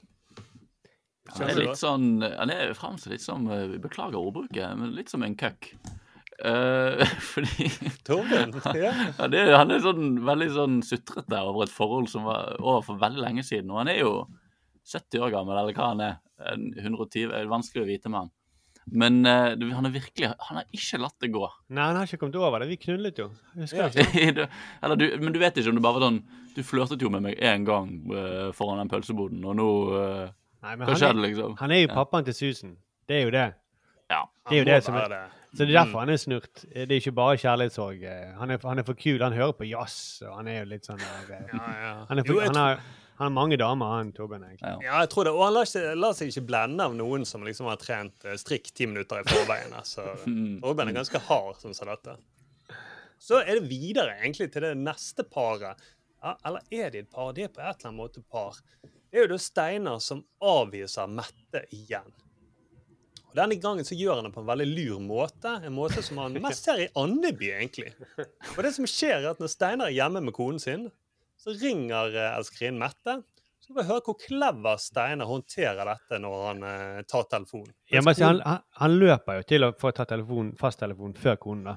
Ja, han gjør det. Og konen står bare rett bak han. Så Han har tel tar opp telefonen. Konen står rett bak og kiler han. Men hør, han er så clever. Hør måten han løser dette på. Ja, det er Steinar. Hei, det meg? Hvem? Hvor ble du av? Du kunne vel ringt og sagt ifra? Nei takk, jeg er ikke interessert. Altså, du vil ikke snakke med meg, altså? Jeg spiser ikke syltetøy. Hvem det? Eh, Norsk Gallup. Vær så snill å holde opp og ringe meg. Nei, jeg har sagt det. Det er ingen her som spiser syltetøy. Å, Nice. clever, sant? han var- var lur. Mm, for på 90-tallet så ringte jo Norsk Gallup og spurte spiser du syltetøy. Og de ga seg ikke. Selv om, nei, du, selv om du sa nei, så sa han fortsetter. Men spi, er du sikker på at du ikke spiser? Er det ingen som spiser syltetøy der hjemme hos deg? Og hun lukta ikke lunten i det hele tatt. Hun bare 'Å ja, norsk gallup'. Ja, ja, nei, ja. Dette tar de. Ja. Men hun spør jo, hun spør jo hvorfor ble du så sint, spør han jo. Av Ja. Norsk Gallup. Mm. Ja, for han sier jo dette på Pockata, og da, da også sier jo Steinar at uh, f- jeg skulle tenke meg en whisky. Det var jo mye større Nå har jo kommet retningslinjer for hva Norsk Gallup kan spørre om, men på alkoholbruken på 90-tallet var jo veldig høy, nettopp pga. sånne telefonundersøkelser. Måtte jo Alle som ble oppringt om syltetøy, de måtte jo drikke litt whisky. Ja. Og så er det videre, da. Eh, Nå er vi oi, oi, syv og et halvt minutt igjen. Shit. Men du henger med, Agnete? Ja, ja. Syltetøygreiene var bra. Ja, ja, sant det var det. Det var høydepunkt i episoden, så nå går det bare ned. Ja, Enn så lenge er det det. Ja. Var det, jeg mener også det. Men så er det et annet par, da. De andre. Det er Dagny, kantinesjefen, og plattformsjefen. Og nå har jeg endelig fått vite hva plattformsjefen heter. Jeg har Det er fått jo- det med. Det er jeg også notert. Han har vært med i åtte episoder, og så vet vi ikke at han heter Per. Nei, Per Gulbrandsen. Nå har vi endelig fått høre hva han heter. Det er veldig det- bra manusforfatter å aldri slippe navnet hans før nå. Og det tror jeg er sånn at de har skrevet det, og så har de plutselig kommet på etter åtte episoder. Vi, vi må si hva folk heter, sånn at vi vet det. Og, da, tror- og akkurat som de har hørt på podkasten vår. Men for da plutselig så kaller de jo Nå sier de Per hele tiden. Per. Per Gulbrandsen. Per. Mm. Per. Ja, og hun, eh, han, han, han kritiserer til og med Dagny, kantinesjefen, når hun hele tiden eh, omtaler han som Gulbrandsen, så sier, eller plattformsjef. Så, Nei, men jeg heter jo Per. Per, Per, Per, Per. så nå skal endelig norske befolkning få det med seg. Og Dagny og Gulbrandsen, eller Per, som han liker å bli kalt, de er jo på flørteren etter at de var stengt inne kjølerommet på plattformen. Og Da merker du at plattformsjefen Gulbrandsen han har jo har liksom godt øye til henne. Bare hør her når han har kalt henne inn til eh, medarbeidersamtale. Hvis det skulle være noe mening i dette her, så burde vi kunne ta opp viktige ting istedenfor å sitte her og glane på skjemaer. Men slik er det nå bare. Hjelp meg nå, Dagny, så går dette her så mye bedre. Skal vi se. Hvordan tror du de du arbeider sammen med, oppfatter deg? Sær.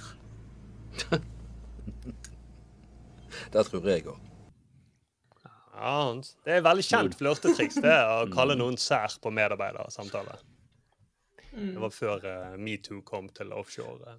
Jeg kan spørre kjapt om, spørre kjapt om hun Dagny, for det, Mm. det blir alltid forvirrende når jeg ser på sånn gammel TV. For jeg vet ikke om hun skal være ung eller gammel, basert på måten jeg har smigget henne. Eh, fordi enten er hun skal du, Er du 27 år, eller er du 50, liksom? Uh, og jeg vet ikke om det er, er det problematisk at han flørter med henne, eller jeg, skjønner ikke helt det. Men han, han, han er gammel. Han sier Han er gammel, det ser du på øyenbrynene. Øyenbrynene og barna hans Mm. er 33, og liksom ja. For jeg forventer litt når han, han sier sånn Ja, jeg har jo voksne barn 33. Like gammel som deg. Ja. og du 60 år gamle dame. Eh, Altså, jeg vet ikke om de er, hvor de er, da. Men, eh, men jeg er for det. Jeg liker forholdet deres. Ja. Mm. Og det utvikler jo seg. Det er for det han sier etterpå, at han- når medarbeidersamtalen er ferdig, så foreslår da eh, plattformsjefen at de skal møtes eh, på kafé Lidoen senere. Lido-hjørnet. Lido-hjørnet, ja. De sier ikke det, de sier bare den kafeen der i andre etasje på Strandkai. Men alle som har vokst opp i Bergen, vet jo at det er det legendariske Lido-hjørnet. Ja. Eller Lidoen heter det, men hjørnet blir kalt Lido-hjørnet, fordi at Lidoen ligger der i andre. Ja, riktig. Mm, men er det sant? Og da foreslår han det om to timer, sier han. Uten å ha lagt lagt merke til at han ser ikke skikkelig på klokken, for han klarer ikke å dra klokken frem fra skjorteermet. Så han bare ser litt ned og så ja, om eh, to timer, og så bare rister han litt på hånden, og så er han ferdig. Jeg vet hva, Han Han har levd så lenge at kanskje han klarer å føle på armen hvor mye klokken er. Så regner han ut hvor mye, hvor mye Hvor lang tid det er før de skal treffes. Mm. Og da sitter du og prater litt som du sa, Arild. Snakker litt om barna. Han forteller at han også er enslig, hun er enslig. Og så, liksom, det de gjør, faktisk veldig byks. Egentlig det er helt sinnssykt at de går på kafé etter medarbeidersamtalen. Men så foreslår faktisk Per Gulbrandsen at de òg skal spise middag seinere. Så nå er noe som har skjedd med manusforfatteren. Nå prøver, føler jeg plutselig at de har fått sånn dårlig tid. Ja, Eller at de er veldig kåte når de skriver det. For det, det, det, det Mm, ja. går veldig fort framover nå, liksom. At uh, nå, Mm. nå må nå ligge sammen snart. Ja, mm, det er rett og slett det. Eh, Ja, og- hvem, tror dere, hvem tror dere ligger sammen først? Altså, nå har jo Steinar har jo ligget sammen både med konen og Mette en del ganger, da. Ja, Så Mm. tror han er ferdig? Nei, nå tror jeg han ligger med kantinedamen også. Ja, kanskje det. Før Ja, plattformsjefen er kommer. til. han. Ja. Steinar Han har flat pung. Nå er det, eh, nå er det plattformsjefen For det er jo på en måte nå, Steinar han vil jo bli plattformsjef nå. Så han vil ta jobben til han her med øyenbrynene. Mm. Ja. Mm. Så kanskje han blir, eh, han blir soft når han blir forelsket, og så er han ute av gamet. Ja, Mm. og Han var jo litt sånn uheldig plattformsjef, for han gikk jo inn til uh, han der Roar, uh, driftsdirektøren, og sa rett ut uh, hva han synes om disse medarbeidersamtalene.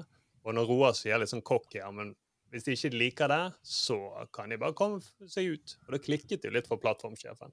Roar avslutter vel med å si til sin sjef igjen at han her, altså plattformsjefen, han skal bort. Han er ferdig. Han er ferdig. OK, nå er det Shit, nå er det bare to og et halvt minutt igjen her. Og så går vi til det neste paret. Det er Susan og Simon, egentlig, da. Og Susan, den rebelske eh, datteren i eh, Roar eh, Barbara-familien, hun sier til Truls hun skal reise med Simon. Sikkert til Murmansk. Det er vel der de skal. Og Truls prøver å snakke litt fornuftig til henne. Han sier at du må gi beskjed om at du reiser, på en eller annen måte. Du må, du må gi Du må ikke bare stikke av. Og da, sånn så, jeg tolker det så, eller Episoden avslutter da med at vi er tilbake igjen hos Barbara og Roar. De er hjemme. Barbara har byttet ut strikken med nye stoffer til lenestolene. Hun prater litt om det.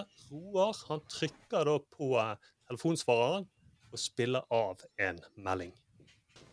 Du, hvis vi skal ha noen av disse stoffene, så må vi bestille dem nå, for de kommer fra utlandet. Ja, det er bra. Ja, det er meg, Susan. Jeg kommer til å reise bort noen uker, ja. Og dere må ikke tro at jeg rømmer. Det er bare noe jeg må gjøre. Noe som er veldig viktig. Jeg skal fortelle mer når jeg kommer hjem. jeg. Ha det. Hørte du det samme som jeg hørte? Da blir det dramatikk i denne familien. Susan har jo stukket av. Endelig skjedde det noe! Ja, endelig Ja. skjer noe. Og det som er gøy, er at eh, scenen avslutter, episoden avsluttes med at eh, det som siste som skjer, er at Roar tar opp telefonen, og så ringer han. Vi får ikke vite hvem han ringer til. Jeg tror personlig at han ringer til Torbjørn Lindbekk, og så sier han 'Torbjørn, nå har du gått for langt. Nå må du kidnappe datteren min, Susan. Klikket for deg.' Men det vet vi ikke. Det, de holder oss på pinebenken. Men altså eh, Det er også veldig sånn når hun står Ikke dra, sier Truls. Ikke dra. Vi står i skolegården. Og så Mm. gi, lener han seg fram og så gir han et sånt kyss på kinnet til han. Som de bare gjør i norske filmer og serier. Mm. Ja. Sånn, at, sånn at hun pene damen hun gir et lite kyss sånn, som nesten Altså, det, det skjer jo ikke i virkeligheten, det at man gir et sånt sånn type kyss. Sånn som er sånn uklart. Er det vennekyss, eller er, holder han fortsatt litt varm kyss? Mm. Veldig snodig. Det gjør hun flere ganger med han Truls. Ja, det er liksom hennes måte å styre Truls på. Mm. Men det er liksom eh, Ja, det er handlingens episode, vil jeg si nesten, dette her. La merke til at du Takes ikke two to tango. Veldig jeg bra med akkurat tittelen. timet det. Å, oh, nydelig.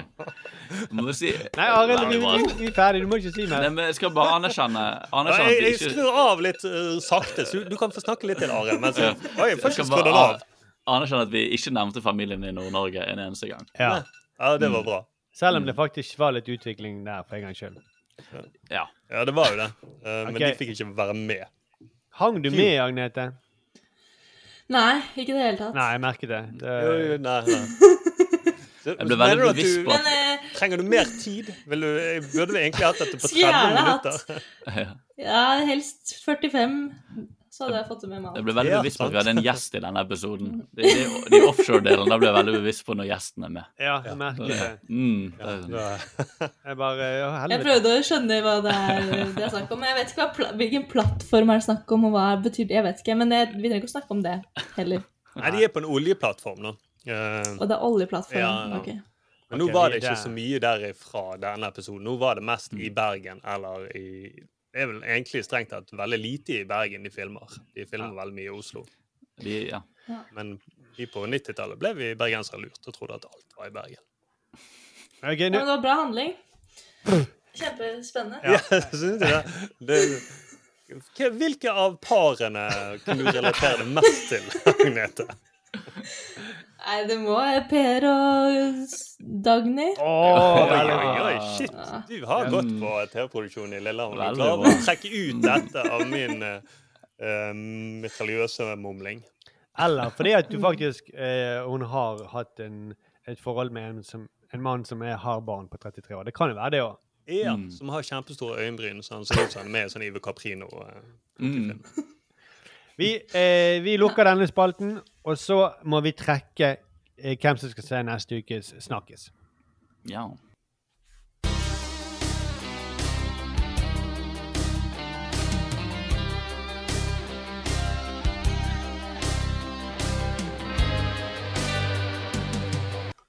Ja, det var litt av offshore-vignetten. Det kuleste delen av offshore-vignetten eh, fra en tid hvor elgitar var det kuleste instrumentet i verden.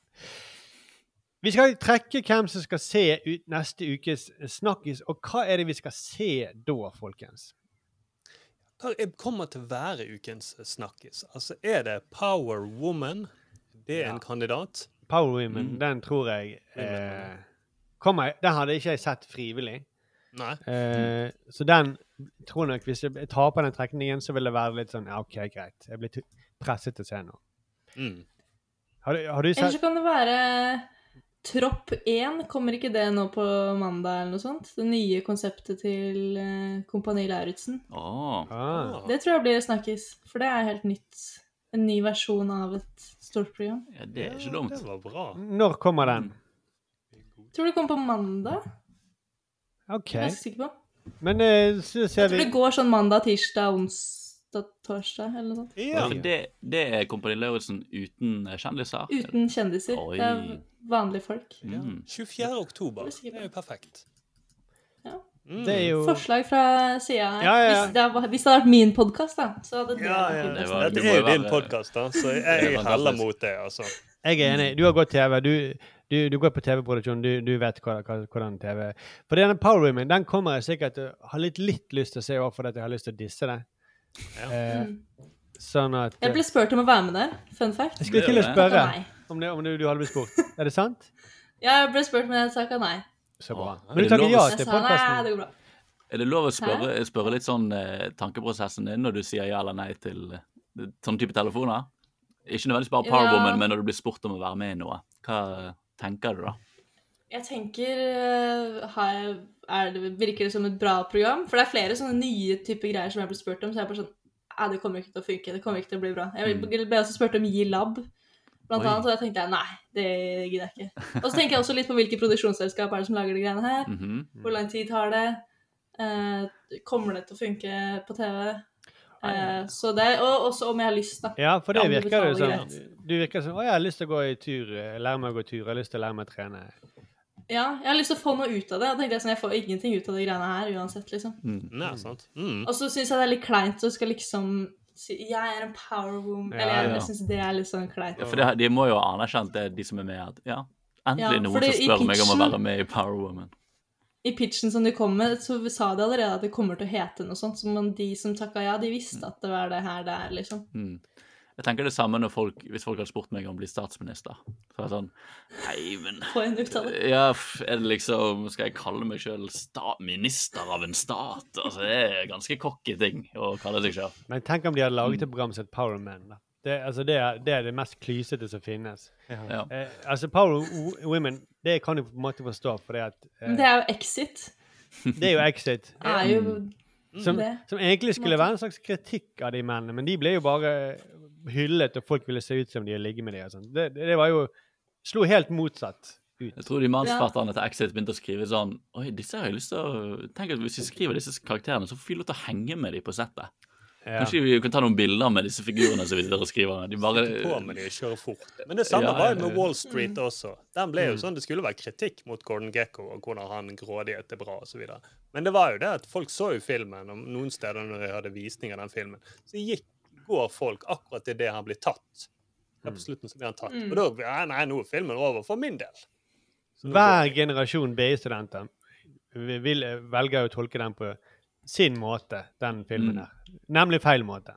Og Fight Club. Mm. Fight Club også en eksempel. En eh, kritikk mot uh, toxic masculinity og sånn, og folk bare Det er jævlig fett med hvordan de mennene banker hverandre opp og dominerer verden. Altså, det er sånn Eller Jeffrey folk, eh, Dahmer, eh, dessverre. Ikke minst. Eller Ja. fet bart han har, han da. Men Ja, men det var så bra vi- ting, da. Tropp 1. Ja, Kompani Lerudsen, tropp 1. Ja. Skal vi da Skal jeg skrive ned eh, Altså, Thomas kommer jo kanskje tilbake neste uke. Eh, skal, vi, skal han være med i trekningen, da? Ah, Eller skal vi skåne han? eh? Han det blir får en hard- fresh start. Han skal Ja. Følge, ja, det, jeg er spent på hans friske perspektiv når han kommer Ja. tilbake. Ja. Mm. Du er spent på hva han har sett på TV? Han har vært lenge vekke Mm. i Nederland. Mm. Um, kanskje halve pod en fjerdedel av podkasten er på nederlandsk, eller flamsk. Ja, flamsk. Mm, jeg håper han har lært seg det nå. Nå har han vært såpass lenge vekk at han burde lært det. Frank i Flandern, som han kalles. right. Skal du jeg- noen navn, er det? Ja, jeg har skrevet tre navn, og så kan Agnete kan få lov til å si et navn mellom Jeg sier et tall mellom én og Vent litt, nå sto det to én her. For det er min dumme Helvetes dust. Det er ikke bare at vi jukser bevisst noen ganger, men noen ganger så er vi offer for teknologien. Så. Alderen. Ja, alderen, kanskje mer. Mm. Det er kanskje det. Ok, programleder, nå må du si et tall mellom én og tre. Eh, Da sier jeg én. Kan du si det en gang til? Det, ta et nytt tall. Ja, da sier jeg én. Nei, nå jukset han rett foran eh, Nå var like før så jeg begynner med det. Ok, da, da, da vant jeg. Eh, det betyr at jeg kan bestemme Yay! hvem som skal få lov til Men det men, jeg mener jeg bare, jeg tenkte på det etterpå. Det er jo det som eh, Hvis jeg hadde hatt myntkast, det var forrige gang, da, så er det Mm. faktisk det som skjer, at den som vinner myntkastet, får velge om han vil begynne med ball eller skifte side. Ja, ja, jo, det er jo egentlig det med myntkast sånn, men jeg tenkte òg at da er det pluss den som blir trukket ut, må gjøre det. Og du, du som kan TV, Agnete, du er jo litt enig at det er rart det er den som taper myntkastet. Og, Ja, men jeg tenker jo også at når man har avklart reglene på forhånd, så er det jo, da er det jo greit. Synes jeg er Ok, da. Ja. Mm. Da skal jeg se tropp én, da. Ja, heldigvis som deg, Markus. Det blir spennende. Kan være jeg ser Power Room istedenfor, men uh, men- Så lurer oss. Det, vi, vi kan jo ikke dobbeltsjekke deg. Så det, at, eh, ja, det- jeg bare sier Jeg sier til troppen, og så snakker masse damer som er rike. og Mm. Så det var- Dere har ikke sett det, så dere vet ikke. Nei, hva heller for mektig tropp. Det er jo Power Troop. Det er jeg kalt den. Så, hm, kult. Men number one er jo liksom han som er på nummer én, da. Så ja, ja, OK. Hm. Kjempehyggelig å ha deg med, Agnete. Vi håper vi kan invitere deg igjen. da. Eh, Ja, ja, bare si ifra. Lov, Jeg ser på TV hele tida, og så kan du få lov til å gå før, eh, før eh, offshore. Ja, da kan du si Yes. Snakkes! Jeg gleder meg til dere skal begynne å se på Hotell Cæsar. Da blir jeg med. Ja, det, Ja, det var var et godt forslag, altså. Hotell Cæsar er ikke dumt, altså. Vi, vi får ta et redaksjonsmøte på det. Ja. Mm. Ja, Flere røret. Vi, eh, vi høres om en uke, folkens. Og så eh, får dere kjøpe alle produktene som Agnete reklamerer for. Og så Ja. fortsette å laste ned podkasten. Skriv gjerne til oss eh, på eh, enten mailadressen vår, eh, som folk har begynt å gjøre. Den, jeg klarer ikke å si det fort, Ståle. Si hva er mailadressen vår. Gleden.med.tv at gmail.com. Eller gjør som de fleste andre og send oss en eh, melding på Instagram i innboksen der, eller på Facebook, eller hvor dere følger oss. Og så eh, får dere bare ha en riktig god TV-uke, alle sammen. Ha en god TV-uke. Og hvis dere kjenner noen som ser på TV, så tips de gjerne om podkasten. Altså hvis, hvis, eller hvis du ser noen naboer som eh, har eh, TV Ja, vi, vi, lover, vi lover at du vil ikke framstå som en psykopat på fest hvis du snakker om podkasten vår. Nei, og, mm. og hvis du kjenner noen som ikke ser på TV, tips gjerne om TV.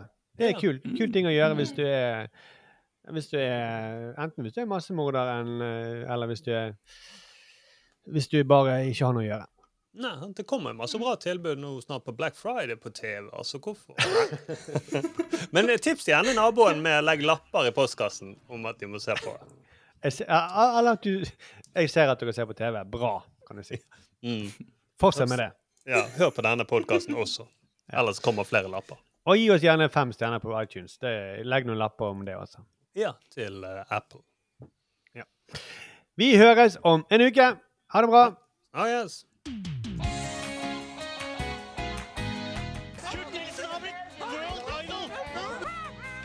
samfunnet. Ja, jeg brøler gjerne. Det var helt ærlig, så tror jeg ikke smakte der. Jeg er jo egentlig en ganske flatbrystet pike. Oh yeah? Well, I love you too. Nei, Det ser jo ut som en ny. Det er Kjersti, sånn snakker vi ikke. One small step for man.